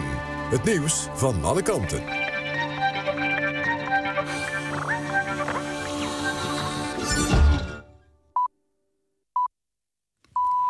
1 uur, Ewout de Jong met het NOS-journaal.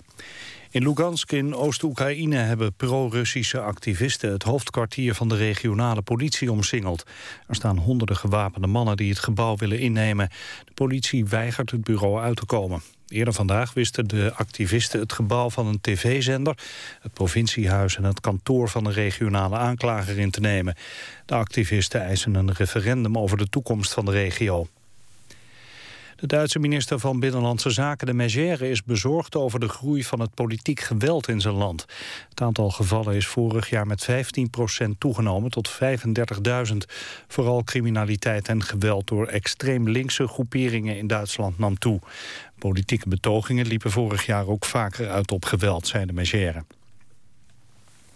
Frankrijk gaat de komende drie jaar voor 50 miljard euro extra bezuinigen. Daarmee moet het begrotingstekort worden teruggedrongen. Volgens de voorstellen wordt onder meer een deel van de pensioenen bevroren... net als de salarissen van ambtenaren en de uitkeringen. Het plan gaat nog naar de Europese Commissie. Die heeft Frankrijk twee jaar extra gegeven... om het begrotingstekort onder de Europese norm van 3% te brengen. In een aantal plaatsen in Overijssel en Drenthe zijn gisteren straten ondergelopen nadat in korte tijd veel regen was gevallen. Onder meer in Losser, Rijssen en Assen kwamen putdeksels omhoog en liepen kelders onder. Volgens weerkundigen ging het meestal om zeer plaatselijke buien.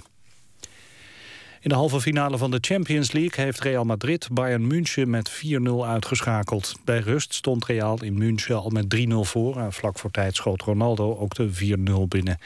De komende avond is de anderhalve finale in de Champions League. Die gaat tussen Chelsea en Atletico Madrid. Het weer, vannacht nog enkele buien, maar ook opklaringen. Minimaal rond 10 graden en plaatselijk kan nevel of mist ontstaan. Overdag wisselend bewolkt met opnieuw enkele buien. In het oosten mogelijk met onweer en ook van tijd tot tijd zon. Het wordt 15 tot 20 graden. Dit was het NOS Journaal. Radio 1. VPRO. Nooit meer slapen.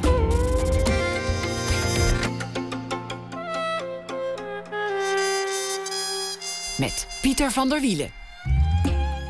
U luistert naar Nooit meer slapen. Actualiteit en literatuur. Daar gaat het over aan het begin van het tweede uur. Deze week schrijft uh, Saskia de Koster elke dag een verhaal voor ons. Zij is uh, schrijfster uit Vlaanderen.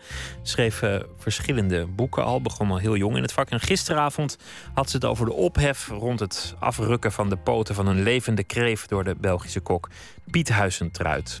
Ik ben benieuwd waar het vandaag over gaat. Goedenavond, Saskia. Waar gaat het vannacht over? Um, over een natuurfenomeen. Er zijn, uh, ik las nu net nog dat er een uh, gestrande walvis op het punt staat te ontploffen in Canada, maar daar ga ik het niet over hebben. Dat is wel grappig. Um, maar er was een tornado vandaag in Tupelo. En ik las dat dat de, de geboortestad van Elvis is. Dat zeggen ze daar dan zo bij. En het is eigenlijk dat detail dat mij um, aangezet heeft om een verhaaltje te schrijven. Want het is eigenlijk uh, lang geleden dat Elvis nog eens vernoemd is, vind ik, in de media, in de actualiteit. Dus dat is wat mijn, mijn insteek voor mijn verhaaltje. Ik vertel het vanuit het perspectief van de mama van Elvis Presley. Storm in Tupelo. Ik ben benieuwd. Ja. Ik heb God jarenlang gebeden om een zoon. Ik bond zelfs paternosters aan mijn enkels, zodat ze rammelden en muziek maakten als ik door de straten van Tupelo, Mississippi liep. God hoorde mij en gaf mij een zoon. Het ventje schudde in de wieg ritmisch met zijn rammelaar en heupwiegde mee. God zei mij, geef hem de naam Elvis. En zo geschiedde. Mijn zoon veranderde de wereld met zijn songs. Op YouTube en de verrekijk zien wij nu zogenaamde muzikale wonderkinderen passeren. Zevenjarige trutjes die reïncarnaties zijn van Britney. Chinese peutertjes die spastisch doen op bar slechte hip-hop. Maar wie eert nog de erfenis van mijn zoon Elvis? Ik kan u dit toevertrouwen. Wij drie, God, mijn Elvis en ik, zullen de wereld wakker schudden. Het is geen toeval dat Tupelo, de geboorteplaats van mijn zoon Elvis, nu zo zwaar getroffen is door een tornado. Het kadert in ons promoplan. We hebben een spectaculair comeback-concert georganiseerd. De komende weken zullen we Elvis' naam steeds vaker in het nieuws brengen. Te beginnen dus met de tornado. Zo ontstaat er een buzz. Voor het comebackconcert zelf hebben we geen enkele moeite gespaard. We hebben vlucht MH370 gekaapt en doen landen. Samen met de 239 passagiers wachten wij tot jullie ons vinden. Elvis is heel erg klaar voor zijn comeback. Wij wachten, lieve mensen, tot jullie ons vinden en alle media ter wereld hem nog eens uitzenden. De King, God, mijn zoon, Elvis. Alles is een uh, plan om Elvis weer uh, in de publieke aandacht uh, te brengen. Ik, ik ken nog heel veel mensen die het elke dag over Elvis hebben. Die, die echt. Die, ja, oh, ja, oh, ik, ja. dan ga ik met de verkeerde mensen om, want ik heb al jaren met niemand gesproken over Elvis. Oh nee, ik, ik ken iemand, is een echte Hagenese, die zegt dan al dat het niet uit nostalgie naar vroeger, maar Elvis, oh, dat, je hebt zo hoor, je hebt heel veel. Uh, ja, nee, ik moest gewoon aan denken door een, een song van um, Nick Cave, en dat is Tupelo. En dat gaat eigenlijk over, um, die song gaat over de geboorte van Elvis tijdens een storm. Dus ik denk dat het daar altijd stormt, maar um, ja, ik, ik, dacht gewoon, hè, om alles met elkaar te verbinden. Dus uh, wie weet is het ook echt waar. Hè? En zijn er de komende weken veel tekens waardoor Elvis wel terugkomt. Dat zou ik nu echt uh, geweldig vinden. Hè? De kracht van een verhaal dat dan ook echt gebeurt. Ik ben ooit in, in Tupelo geweest. Het is een heel saai stadje in, uh, tussen de plantages. Er is echt niks te zien. Er is helemaal en niks aan. Als, als uh, bij toeval of als eerbetoon aan de King? Nou, een, een, beetje allebei. Ik reed over een snelweg en ik zag Tupelo en dacht ik, nou ja, dan moet ik even afslaan. Toch? Om daar dan zo een sandwich met, wat is het, pindakaas en, en jam te gaan eten of zo. Ja, dat eten ze daar. En, dan, de, en, en daar eten ze pindakaas met jam en banaan. En dat dan liefst op een broodje met een hamburger en, en mosterd. De, de, de, combinaties zijn wonderlijk. En dan slappe koffie erbij. Mm.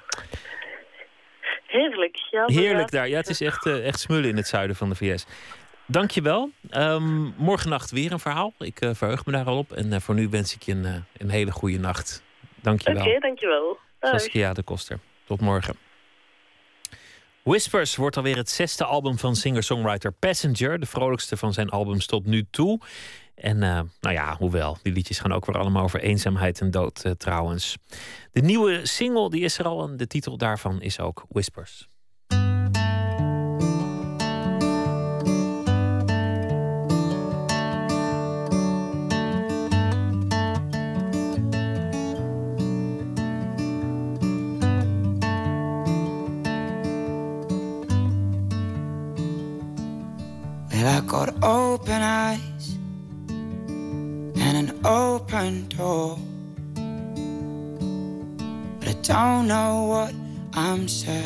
For.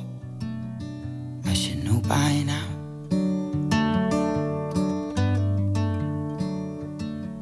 Well, have a big old heart.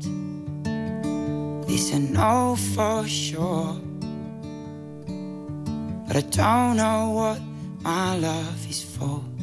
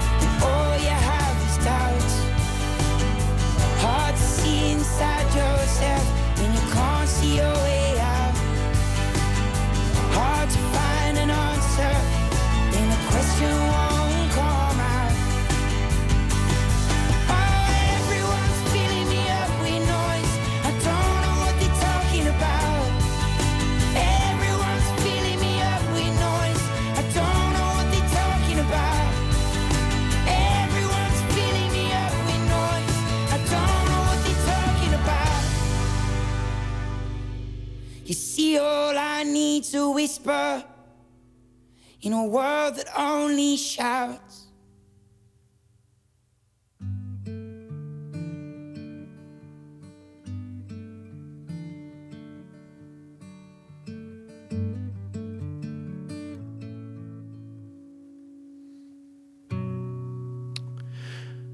Whispers van Passenger was dat.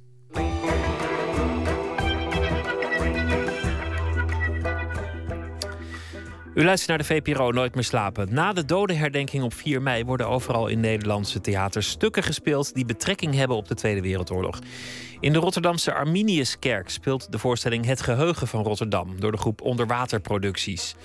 De vraag in dat stuk is actueel en politiek. Wat herdenken we eigenlijk? Botte Jellema neemt alvast een kijkje in de kerk en praat met bedenkers en acteurs Jeroen Rinks en Afke Weltevreden. Ik kijk mijn ogen uit, maar Angelique, wat is dit in Gods Jezus naam voor, hoe zal ik het noemen, amateurtoneel? Je moet er niet te genuanceerd naar kijken. Het is voor een breed publiek. En ik geloof wel dat die details kloppen hoor. Het wordt gepresenteerd alsof het het niveau van Anne Frank heeft. Van Anne Frank verliezen wij het allemaal, Joep. Zijn deze mensen dan niet verraden? Nee. Joep zegt dat deze mensen niet verraden zijn. D- Dat klopt. Dat is juist het unieke van dit verhaal. Deze mensen hebben het allemaal overleefd.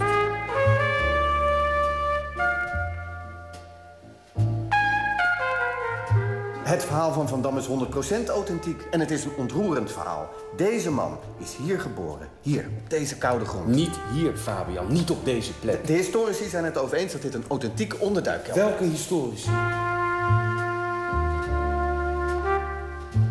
Hier, in deze stad, zijn zeven keer zoveel Joden omgekomen dan dat er doden zijn gevallen bij het bombardement. Hier in deze kelder hebben wij het over Jodenvervolging. Daar moet deze stad dus aandacht aan besteden. Dat hebben we verdomme nog amper gedaan.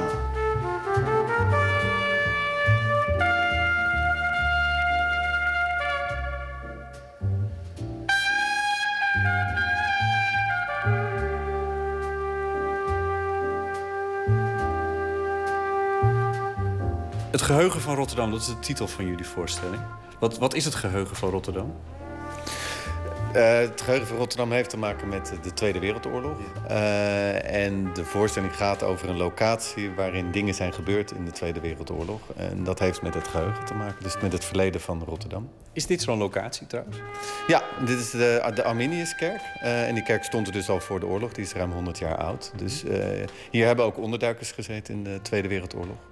En er is, sinds kort er is er een gewelf in de kerk. En daar wordt de, een gedeelte van de voorstelling eh, gesitueerd. Ah, oké.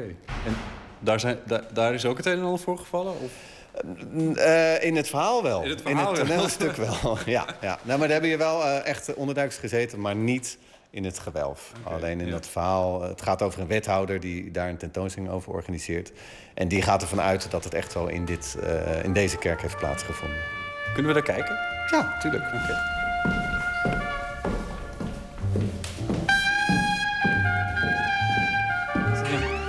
dit, is toch, dit ziet er wel anders uit. Jan de is inderdaad wel de omschrijving die je hierbij eh, kan ja, gebruiken. het is witter dan wit. Wat spelen jullie hier? Ehm, dit is eigenlijk het deel waar het publiek ontvangen wordt als sponsor. Het publiek is, is echt de gast. We ontkennen het niet. Ehm, dus hier krijgen mensen een glaasje sec. Hier gaat de wethouder speechen. Ehm, hier gebeuren allemaal dingen met oppositiepartijen die dan eigenlijk hem het beste wensen, maar ondertussen eigenlijk tegen zijn. Tegen de manier van herdenken die hij voorstelt. Dus hier is het publiek echt actief aanwezig en wordt aangesproken. Ja. Jeroen, je speelt de wethouder. Ja. Uh, wat wil de man?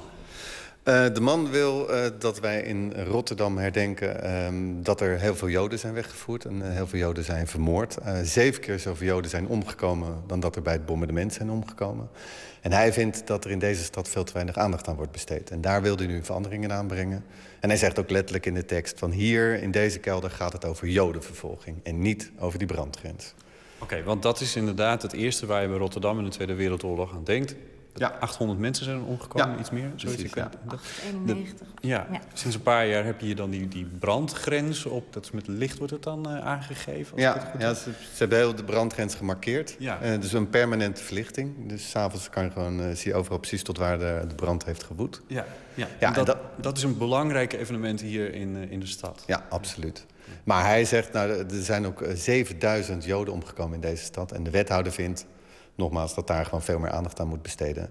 En daarin, het is, het is een politieke zwarte comedy. Dus uh, daarin leggen we wel het, het, machtsspel bloot... wat er ook trouwens in, in de werkelijkheid speelt. Dat, ja, iedereen heeft wel zijn eigen... elk comité heeft wel zijn eigen ding waar ze voor staan. Uh, en hij staat daar, daarvoor. En een andere politieke partij staat juist voor de brandgrens. En die gaan elkaar tegenwerken. Het is, het is een interessante kwestie eigenlijk. Ik heb er ook nooit over nagedacht. Maar die, die brand die spreekt enorm tot de verbeelding in negatieve zin. Van dat, ja. dat het heel uh, dramatisch moet zijn geweest. Maar die jodenvervolging die was gemener en subtieler natuurlijk. En kennelijk dus ook uh, heeft meer slachtoffers gemaakt. Ja, ja het is een beetje misschien... Uh, nou ja, ja de brandgrens, uh, het bombardement is fotogenieker. Er is een film over gemaakt, het bombardement. Ja, het spreekt mensen aan. In, in twee uur tijd een hele binnenstad weggevaagd. Dat is gewoon een, een heel aansprekend iets. Ja, de 70, 70, jaar later kun je dus door de stad een hele, hele lichtlijn trekken. Precies. Wat natuurlijk met, ja. met die, die jodenvervolging, hoe maak je dat zichtbaar? Dat is veel nou, je hebt natuurlijk de stolpensteinen, die, die steentjes die uh, ze nu ook hebben om te markeren. Dat hebben ze in Amsterdam en in andere steden nu ook. Ja. Um, maar ik denk dat het in Rotterdam zo'n groot ding is, omdat het natuurlijk in alles nog zit. In de hele opbouw van de stad.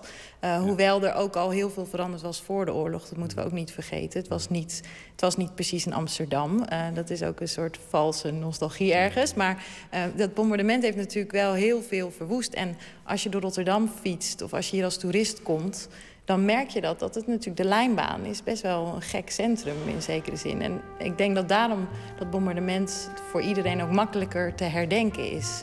En die Joodse gemeenschap dat is, dat is moeilijker te herdenken.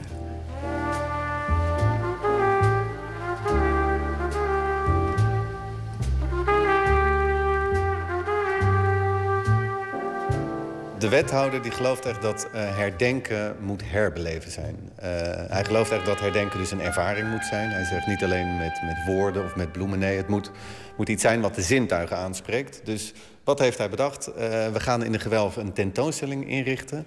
waarin je daadwerkelijk de kou, de duisternis echt aan een lijve kunt ervaren. Oké, okay, nou, ik sta hier in mijn t-shirtje, dus... Kom mee. ja.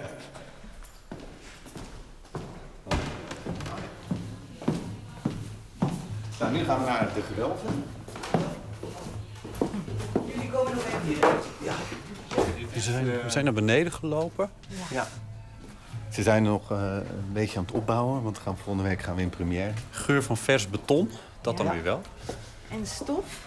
En stof. Ja, ja dit, wat we zien zijn echt eh, originele gewelven, booggewelven. Ik zie hier een stuk of eh, twaalf gewelven. Het gaat wel eh 30 meter de diepte in. Het is best een grote ruimte, weliswaar met veel pilaren in... die, die waarschijnlijk Ja. helemaal tot boven lopen. Maar Nou, het is het helemaal onder het fundament van, eh, van de kerk. Dus het is, groot als eh, de kerk eh, aan zich. Dus het is echt een enorme ruimte.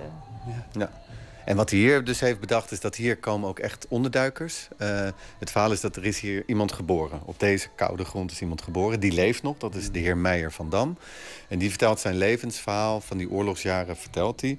En dat wordt eh, ja, uitgevoerd door eh, figuranten, eh, acht figuranten. Oh ja, een voorstelling in een voorstelling. Voilà, dat is het, ja. Nou ja, dat is zijn idee. Hij wilde er een experience van maken. Hij gelooft wel dat tegenwoordig ja, in de huidige tijdgeest mensen moeten, ja, moeten Herbeleven, je zei het herbeleven. al, ja. Precies, Ja. ja. Maar dat is ook wel als makers eh, ook iets waar we mee bezig zijn. Van, mag dat wel? Kan je wel een soort experience van de oorlog maken? En wat natuurlijk ook nu de discussie is over nou ja, toneelstukken die nu spelen. Mhm. Over Anne Frank. En ehm, van, van kan dat? En ergens is het natuurlijk mooi dat je jongeren gaat trekken ermee. En een breder publiek. Dat is interessant inderdaad, want volgende week gaat die... eh, iedereen noemt het een musical, maar dat is het Nee, niet. nee. Eh, eh, het stuk Anne in Amsterdam in première. Ja. Een stuk over de oorlog. Maar dat eigenlijk stellen jullie daar dus ook een paar vragen over. Nou, in zekere zin wel. Ik denk dat zij het echt met alle integriteit hebben gedaan. En eh, het- ik hoor alleen de discussie van... dat was pas vorige week ook weer op het journaal... van kan je er dan wel eten voor doen? eh, en kan je er een soort package deal van maken? Je merkt gewoon dat de manier waarop we herdenken... eh, heel veel verschillende meningen eh, oplevert. En dat vooral de generatie die het meegemaakt heeft... het heel erg ja, integer, rustig, klein, met bloemen zoals we het doen... met een beeld, maar niet heel erg een ervaring. En eh, dat, dat hoor je nu ook, dat er een soort eh, musea zijn... waarbij geluid na wordt gemaakt van de oorlog... en dat je zelf kan schieten. En nou, de vraag is, moeten we dat gaan doen eigenlijk in de toekomst?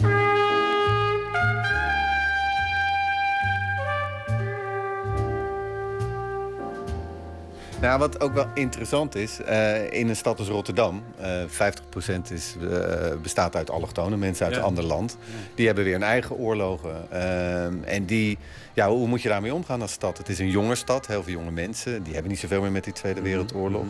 Dus dat stellen wij ook ter discussie. Van, ja, wordt de Tweede Wereldoorlog misschien een 80-jarige oorlog? En is dat dan erg? En daar hebben wij op zich geen antwoord op. Maar er zijn wel dingen waar we mee bezig zijn. Hoe moet je nou in een stad als Rotterdam dat herdenken? Ja, ja. Oké, dus de wethouder komt hier. Ja. Hier Ja. gaat het verhaal dat Ene van Dam hier is geboren... op deze koude betongrond Ja, ja. waar we nu op staan. Die, ja, precies. Nou ja, hier is eigenlijk de ontmaskering. Nou ja, het verhaal is, het is helemaal, het is niet hier. Het is op Rotterdam-Zuid. Dus Het verhaal klopt niet. precies, hij wordt van plagiaat beschuldigd en hij besluit om af te treden. En eigenlijk heel zijn bestaan eh, stort in. Zijn er nog andere ruimtes waar jullie... De op- kerk hebben we nog even. Heel goed, Ja. oké. Yes.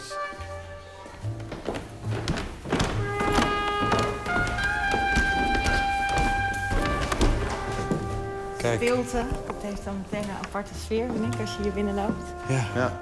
En we staan inderdaad op, op het balkon, die minstens zo groot is als de kerk zelf trouwens. Ja, Ja. die helaas volgens mij met kerkdiensten niet meer gebruikt wordt eh, inmiddels.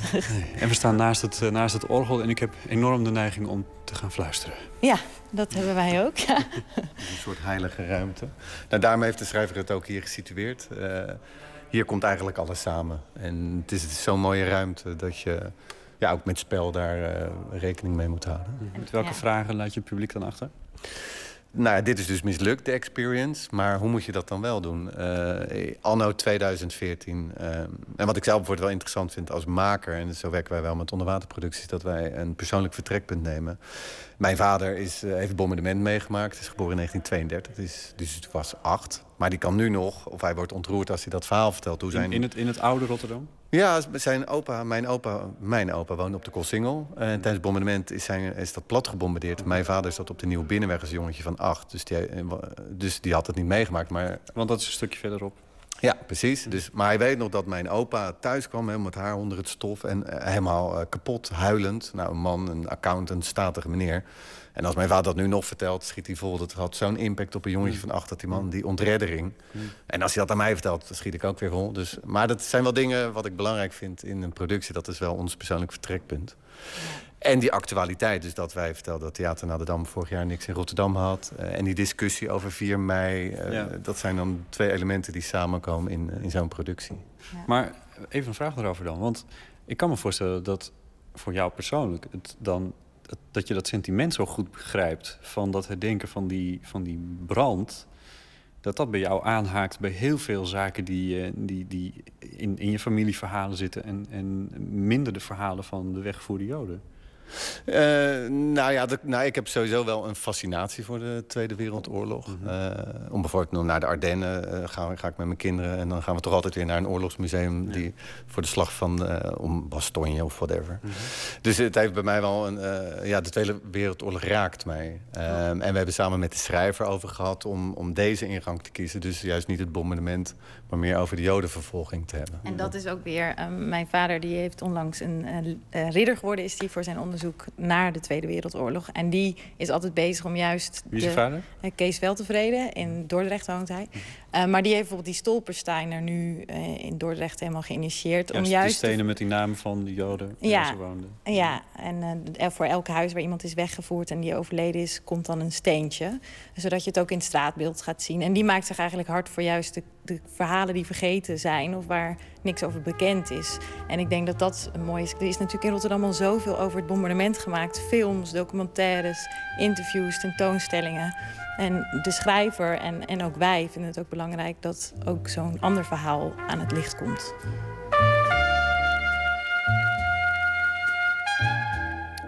Jeroen Rings en Afke Weltevreden, acteurs en oprichters van de theatergroep Onderwaterproducties. Zij spelen hun voorstelling Het Geheugen van Rotterdam aanstaande zondag in het kader van de 4 mei-herdenking. Het stuk is daarna nog een aantal keren te zien in mei in de Arminiuskerk in Rotterdam.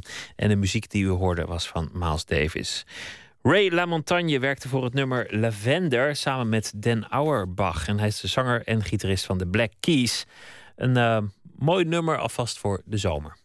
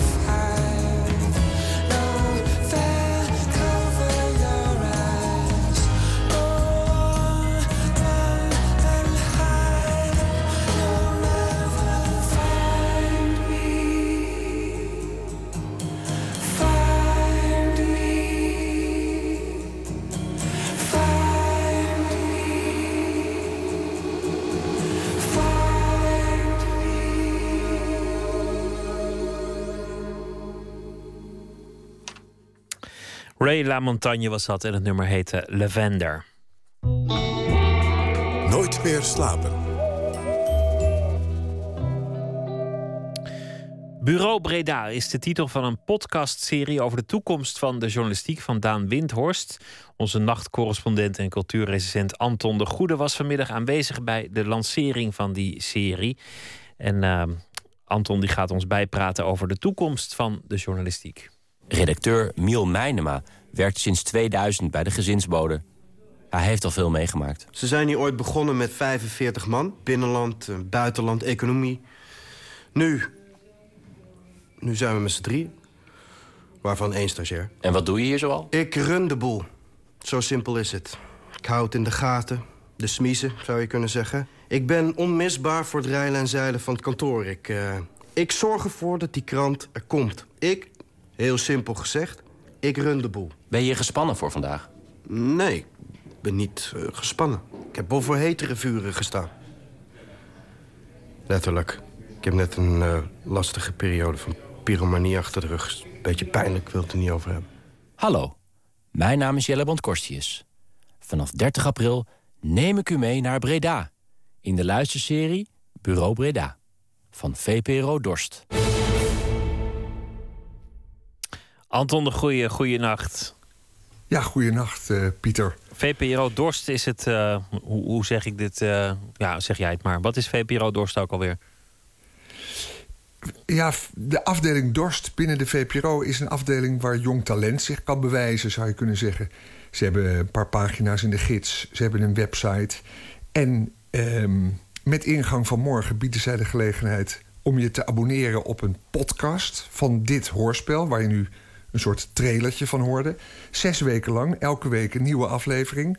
Die komt dan uh, vanzelf op je, op, je, op je smartphone of op je tablet. En die serie is geschreven en ontwikkeld door, jij zei het net al, Daan Windhorst. Ik vond de aankondiging leuk. Ik denk, hé, hey, een hoorspel. En ik vond het helemaal spannend toen ik op zoek ging naar wie die Windhorst eigenlijk is. Heb jij ooit van hem gehoord? Nee, ik moet je bekennen dat de, de naam volgens mij. Uh, nee. Nee, nee, nee, helemaal geen schande. 24-jarige jongen die toch al een heleboel gedaan heeft. Eh, bijvoorbeeld, als je naar zijn site gaat een zogeheten TED-talk gehouden in Breda vorig jaar. En die zou je eens moeten bekijken op de site. Want dan zie je dat hij heel getalenteerd is. Als een performer, als een humorist. Slimme jongen. Hij noemt zichzelf schrijver. Hij heeft ook toneelstukken geschreven en voor filmscenario's. En um, ja, ik vond het alleen al leuk dat zo iemand bezig is met het maken van hoorspel. Toch een genre waar je niet gelijk aan denkt. Uh, ik sprak hem vanmiddag bij die voorpremière van die hoorspelreeks. En luister hoe enthousiast hij zelf over dat genre is. Uh, ik, ik hou erg van theater. En dit is een manier om, om naar theater te luisteren terwijl je op de fiets zit of uh, terwijl je um, in bad zit. En, ik vind de, de, manier waarop, waarop je beelden kan creëren in je hoofd, vind ik.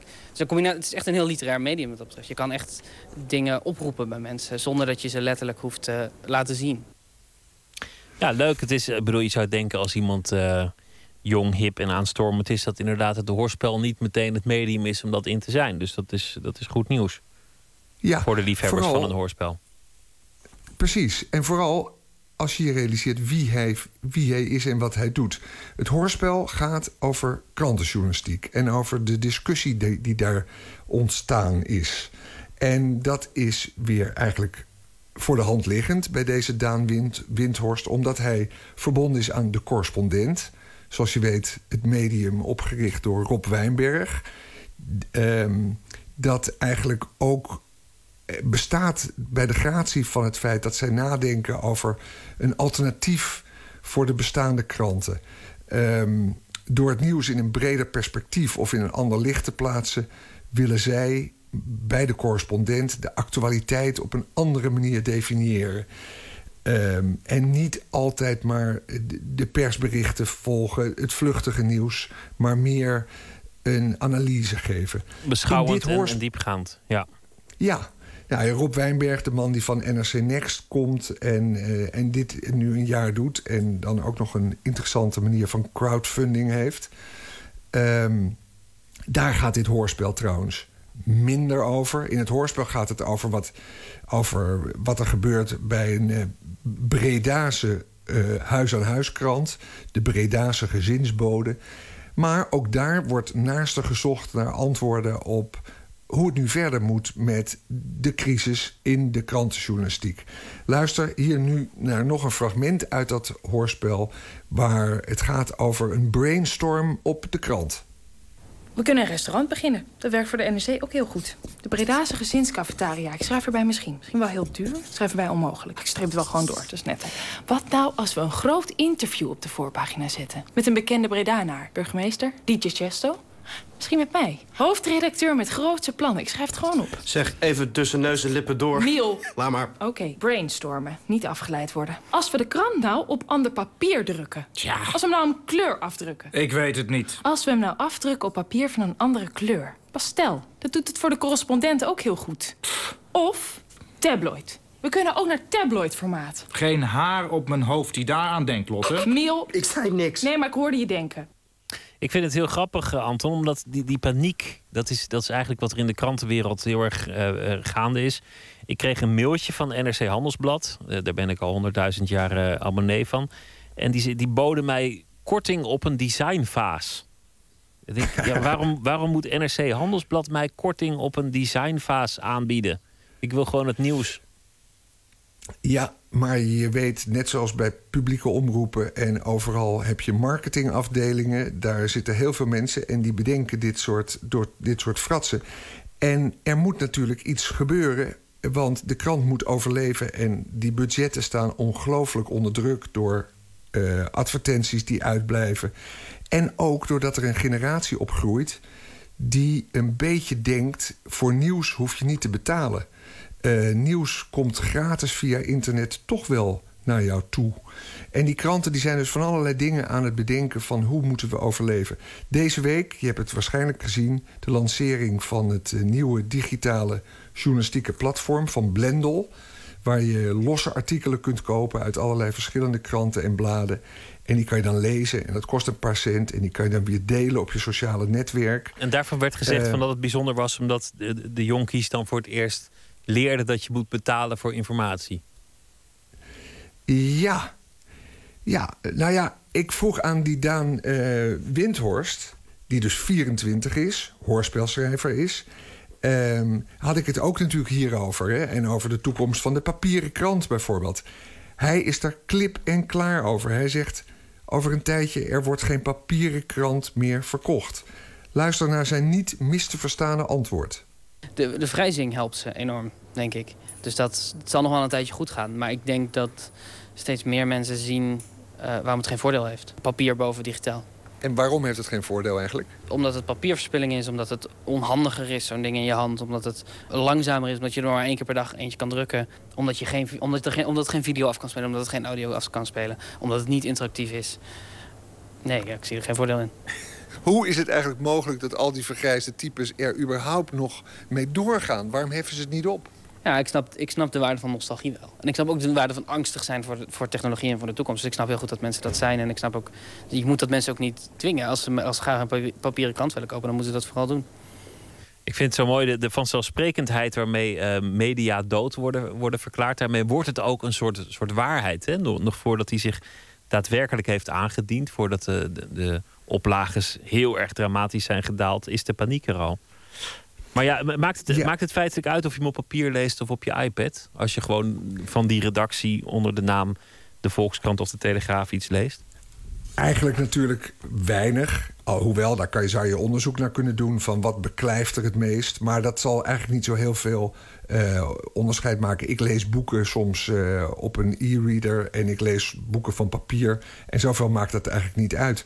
Wat natuurlijk de kern van de discussie wel is, is de financiële kant van de journalistiek. En die is zorgwekkend. Tarieven dalen. Eh, er ik hoorde laatst van fotografen verbonden aan een krant. Dat die kregen gewoon te horen dat ze 10% minder zouden krijgen. Freelance fotografen. Voor hun foto's in het vervolg. Gewoon simpelweg omdat het geld er niet meer is om ze meer te betalen. Dat is zorgwekkend. Eh, er was vorige week een, eh, een, een soort masterclass van Frank van der Linden, de interviewer, die we kennen uit uit Kunststof bijvoorbeeld, hè, die voor de Nieuwe Revue veel geïnterviewd heeft. Die zei: Ja, het is echt zorgwekkend. Eh, ik kan, en zelfs hij dus, als, als, als, toch als topinterviewer, hij kan het alleen nog maar doen als hij bijverdiensten heeft uit commerciële hoek. Nou, dat is natuurlijk eigenlijk krankzinnig. Dat hij moet snabbelen, de arme drommel. Ja. Ja, toch? Nou ja, ik, kijk, ze, ze zeggen altijd al: eh, journalistiek is een prachtig beroep als je op tijd eruit weg weet te komen. dus uh, ik denk, Ja, maar ja, wij- dat is dan toch eigenlijk. eh, dat dat zou heel als iedereen. zijn. Ja, zeker. Anton, dankjewel. Uh, goeienacht. Ik noem nog even dat eh, eh, vanaf 30 april Bureau Breda te beluisteren is via vpro.nl slash dorst. En op de Facebookpagina van Nooit meer slapen vindt u vast een eh, voorproefje. Dankjewel, Ja, Anton. en het is, dus, het is dus 30 april, hè? Dus, eh, Is over het nu alweer 30? uur- Oh ja. Gaat dat snel, joh. Ik zat, ik zat nog ergens begin februari. Nou ja.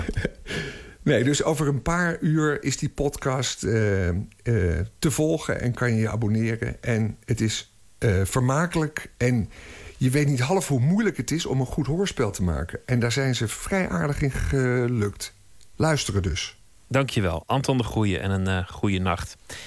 We gaan verder met eh, een eh, prachtige klassieker uit 1937. Althans, toen is het nummer geschreven.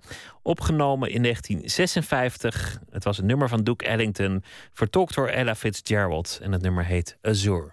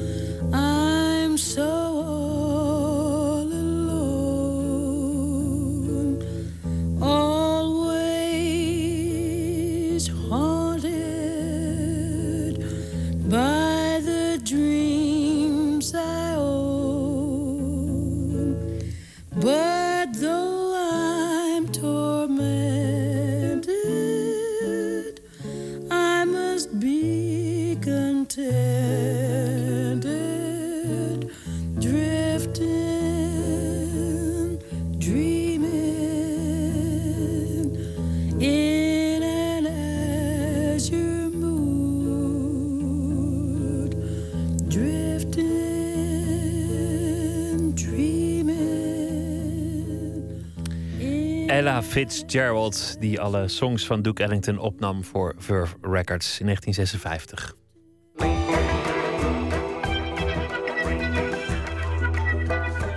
U luistert naar de VPRO op Radio 1. De Rotterdamse groep Hotel Modern staat op aankomende vrijdag 4 mei in de Rotterdamse Schouwburg met Kamp, een voorstelling over Auschwitz. Theatermakers Paulien Kalker en Arden Hoornweg maakten in samenwerking met beeldend kunstenaar Herman Helle live animaties in een maquette vol barakken met duizenden poppetjes. Laura Stek spreekt erover met Paulien Kalker, de drijvende kracht achter de voorstelling. Bij haar thuis in Rotterdam ligt al een deel van die poppetjes.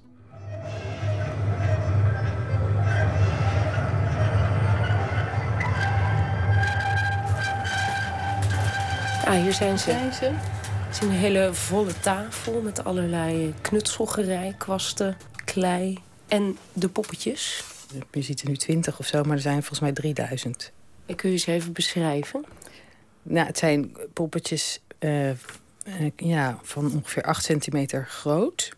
En het zijn, eh, ze stellen gevangenen voor in eh concentratiekamp met zo'n zo'n grijs gestreepte pyjama. ja, En, eh, en ze hebben een, hoofdje van, van klei. Vrij wijd openstaande oogjes. Die zijn gewoon gemaakt met, met balpennen die zo in die klei geprikt zijn. En een mond, een streepje wat met je verwrongen uitdrukking uh, geeft. Ze zijn allemaal verschillend. Ieder hoofdje is uh, uniek. Ze zijn gemaakt van, van ijzerdraad met katoen. En hebben jullie die allemaal zelf in elkaar gedraaid? Ja, Herman heeft, heeft uh, prototypes gemaakt. Gewoon bedacht hoe ze moeten zijn. En er zijn iets van tien beeldende kunstenaars geweest.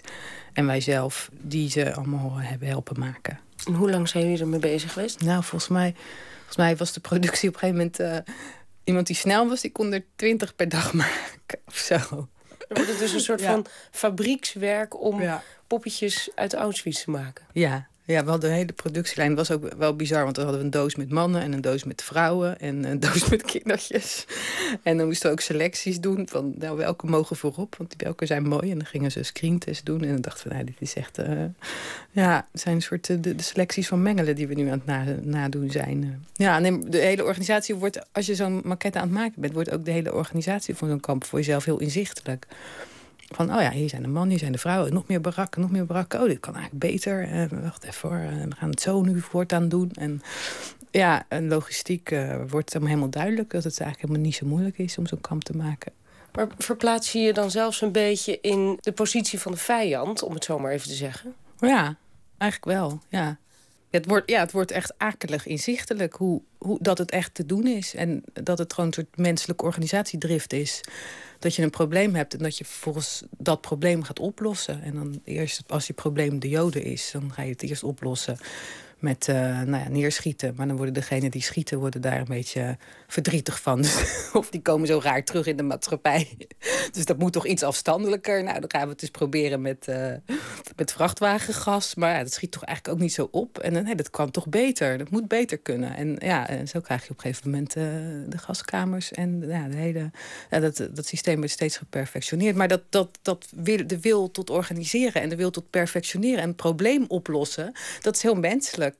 En, uh, nou ja, dat waren jullie ook gewoon aan het doen? Ja, we waren ook problemen aan het oplossen. En uh, nou ja, de, de nazi's ook.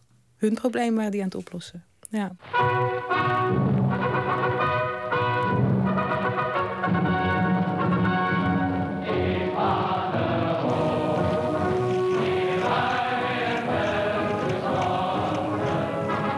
Jullie maakten een voorstelling met dus ongeveer 3000 uh, poppetjes. Een enorme maquette van kamp Auschwitz uh, met barakken, uh, de arbeid macht Vrijpoort.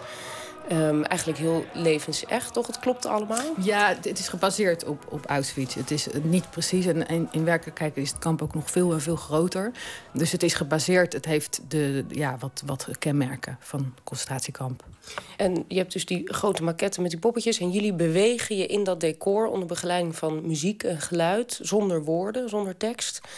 En jullie verbeelden wat er is gebeurd in Auschwitz. Zeg ik het zo ja. goed? Ja, we voeren de handelingen uit die gedaan moeten worden... met al die poppetjes. En we hebben een trein en we hebben een miniatuur gaskamer. En nou ja, dat is allemaal heel erg sinister. Heel erg sinister. Maar we, we doen wat er gedaan is in het klein na.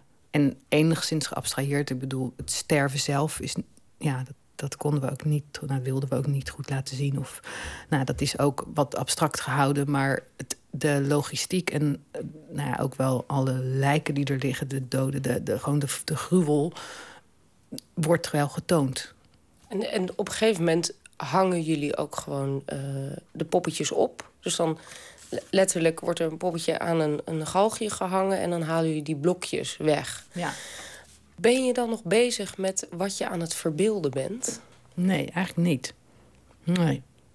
Nee, eigenlijk, eigenlijk heel technisch.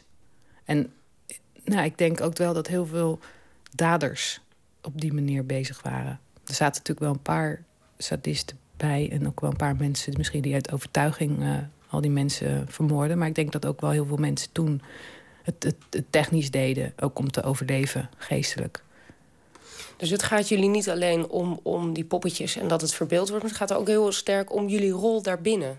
Nee, het, het gaat erom om te, te laten zien wat er is gebeurd. Maar jullie zijn wel een soort van, als je zegt van wij doen het gewoon puur technisch, we, laten gewoon zien van hoe dat is gegaan. Wij zijn de uitvoerders, dan, dan speel je toch ook gewoon zelf een rol eigenlijk? Jawel, op die manier wel. Jawel. Ja, als, als, speler, als speler zijn we wel het ene moment speel je de, de SS'ers of de mensen die het daar uitvoerden. Maar het andere moment spelen we ook de, de slachtoffers of de gevangenen. Want we, die poppetjes manipuleren we ook. Maar het, het gevoel, dat komt eigenlijk heel vaak na de voorstelling. Kijk, wij zijn dan, uh, hè, het zijn, zijn poppetjes. Wij zijn dan op dat moment eigenlijk poppenspelers. En we houden camera's vast, dus we zijn ook cameramensen. En we lopen ook rond, dus we zijn ook performers. We weten hoe we... We hebben ook afgesproken, oké, als jij gaat zitten, ga ik ook zitten op dat moment. Dus we zijn ook ja, uitvoerders van een, van een uh, theaterstuk. Maar na de voorstelling, dan is het publiek komt kijken. En dat is dan vaak behoorlijk ontdaan. En dan is er een soort begrafenissfeer. Waar ik soms ook wel genoeg denk, oh nee, nu die, nu die sfeer. Maar dat, dat, hoort, dat moet. Dat... Ja, dat is toch echt het effect van wat jullie hebben ge ja, gemaakt. Ja, nee, dat, dat is ook zo. Maar als je dat avond aan avond speelt, dan, dan, dan is het wel eens... Uh, ah, dan grijpt het je soms naar de keel. Van, hoewel het op dat moment niet hoor, maar wel dat je op een gegeven moment... Ik, ik werd op een gegeven moment ook altijd ziek als we die voorstelling uh, gingen spelen. Dat op een of andere manier uh, ja, word je er toch niet goed van. Dus het, het is... Ja, nee, het, doet ons natuurlijk heel erg veel. En we hebben ook met overlevenden gesproken. Uh, en dat is, dat is natuurlijk het, het, meest aangrijpende. Als je mensen ontmoet die daar zelf hebben gezeten. Of, of die familieleden. Nou ja, ik heb zelf ook... Uh, mijn grootvader is daar vermoord. Maar op een of andere manier, als je dan andere mensen tegenkomt... wiens grootvader of grootmoeder daar ook is vermoord... dan wordt het weer even nog wat echter. Maar je zegt het nu een beetje tussen neus en lippen. Mijn grootvader is ja. ook vermoord. Maar dat neem aan dat dat een van de drijvende krachten achter de voorstelling is geweest. Jazeker, ja, jazeker, ja. Kun je iets vertellen over hoe dat doorwerkte in jullie familie? Dat is niet zo'n ja, hele makkelijke vraag misschien. Nee, nou ja... Um, ja, mijn vader die heeft wel zijn hele leven lang zijn vader gemist. En ik denk ook dat dat niet overging omdat het op zo'n gruwelijke manier is gebeurd. Dat hij op zo'n gruwelijke manier aan zijn eind is gekomen. En ook zijn opa en oma, dus ook de ouders van mijn grootvader. Dus ja, hij heeft daar gewoon zijn hele leven lang pijn en verdriet van gehad. En dat, dat heb ik altijd wel gemerkt. Dus ja, wat je weet is wat er is gebeurd en hoe verdrietig mijn vader daarover was. En um, ja, mijn tante heeft ook wel van het onderduiken heel veel uh, ja, last gehad nog steeds.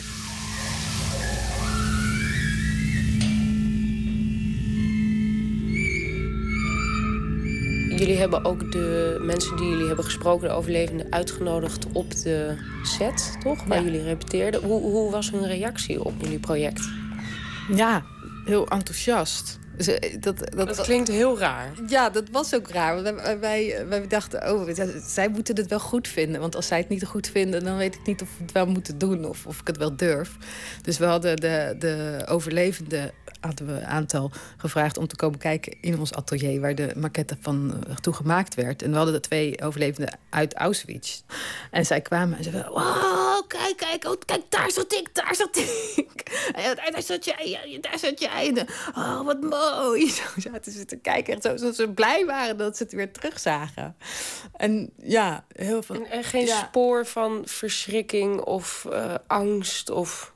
Nee, alsof, ja, alsof je teruggaat naar je lagere school... waar je heel lang niet meer bent geweest. En, en oh, ja, oh ja, dat gebouw, oh ja, dat gebouw. Zo'n zo'n herkenning. Kijk, ja, zo was het, zo was het. En, nou, niet dat ik daar dan trots op ben, maar wel... Het, het voelt wel van, ah, gelukkig, uh, het, is goed dat we het uh, doen.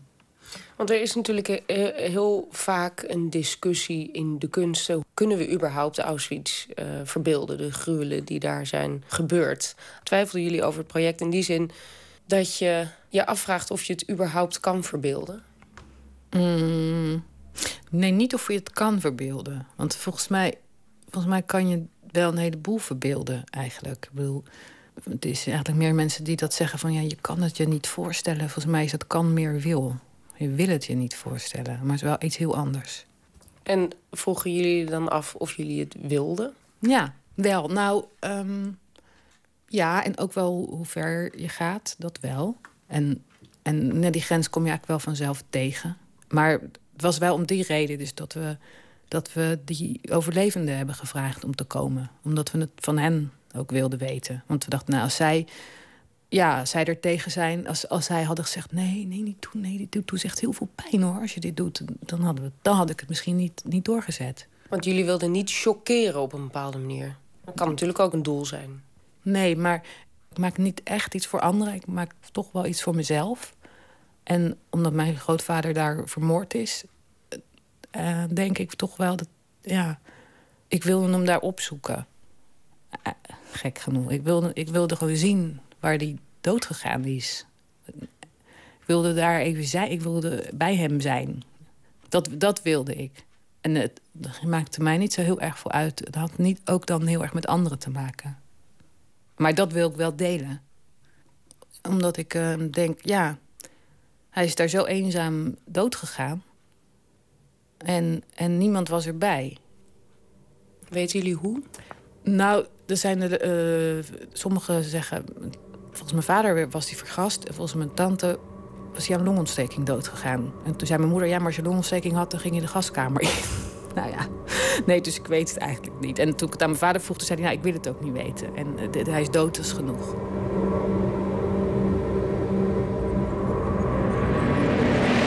Wat ik me nog afvroeg, je, je maakt inderdaad die poppetjes, heb, zijn allemaal uniek, maar ze lijken allemaal op elkaar. Het is wel een, een massa. Is er dan niet het gevaar, of hebben jullie daarover nagedacht, dat het inderdaad weer als een massa gezien wordt door het publiek? Dus dat het geen onafhankelijke individuen zijn die daar zijn omgekomen? Nou, er zitten, zitten heel veel shots in van close-ups. Waar we dus... Dus we hebben het allebei. Dus je ziet een massa en jeetje, en ook wat zijn er veel. Wat zijn er veel. Want een getal is iets heel abstracts. Maar als je, daar zijn maquettes eigenlijk heel goed voor. Maquettes zijn ook zo bedacht dat je iets op schaal kan zien. Maar doordat we dus close-up gaan met die camera... dan zie je ook echt de gezichtjes. Oh, die kijkt zo. Oh, die kijkt zo. Oh, die is moe, zeg. Oh, die kijkt zo. En, en, en dan ga je en gaan soms ook heel even met, met één iemand mee. En ja, volgens mij kom je dan wel in de buurt van, van, even, van één iemand even. En ook, ja, we laten ook kleertjes zien. En eh, dat is dan zo'n zo'n plek waar, waar ze dat allemaal naartoe brachten. Alles wat ze, wat ze geroofd eh, hebben. Van, of wat, hè, dat die mensen het meenamen. Want ze namen, hadden ook zo'n verlanglijsten van... nou, neem dit en dat mee. En dan namen ze allemaal mee. en van, nou, mooi, pikken we in. Je, je hebt best veel gelachen in het afgelopen gesprek. Ja, dat- Terwijl het toch niet een heel vrolijk thema is. Nee. En er zit ook geen, toch geen vleugje humor in die voorstelling. Dus hoe, hoe strook je dan je, je persoonlijkheid met die voorstelling?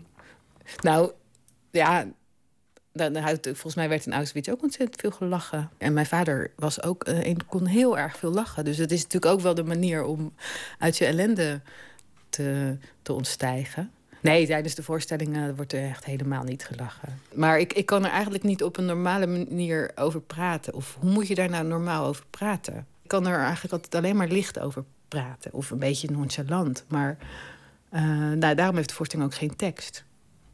Heeft je vader hem kunnen zien? Ja, ja, we moesten erg hard huilen. Ja, het was, het was de laatste voorstelling, het- het jaar daarna overleed hij.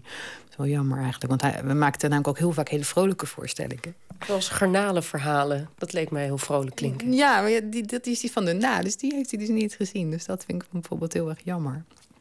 Ja, heel vaak hebben we gewoon heel veel grapjes. En, maar ja, deze dus niet. en ja, hier moest hij erg hard huilen. Ja. En eh, heb jij nou dat doel van ik wilde bij mijn grootvader zijn toen hij eh, stierf? Heb je dat gevoel gehad nu met deze voorstelling? Nee, nee, en dat, dat was dus ook bij mijn teleurstelling. Nee, ik dacht ook, ja, hij merkt er toch niks van, want hij is dood. Dus ik was nieuwsgierig om te weten van hoe, hoe is het daar geweest. Nou, die nieuwsgierigheid is op een bepaalde manier wel ingelost. Maar ik, ben dan toch ook wel zo pessimistisch, of zeg je dat, zwart kijken. Dat ik denk, nou, die mensen hebben er niks aan.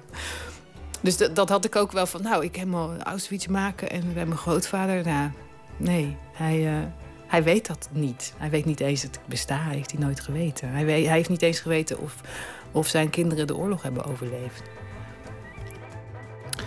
Paulien Kalker was dat theatermaker in gesprek met Laura Steek. Morgen is Nooit meer slapen er weer. Een goede nacht. Het nieuws van alle kanten.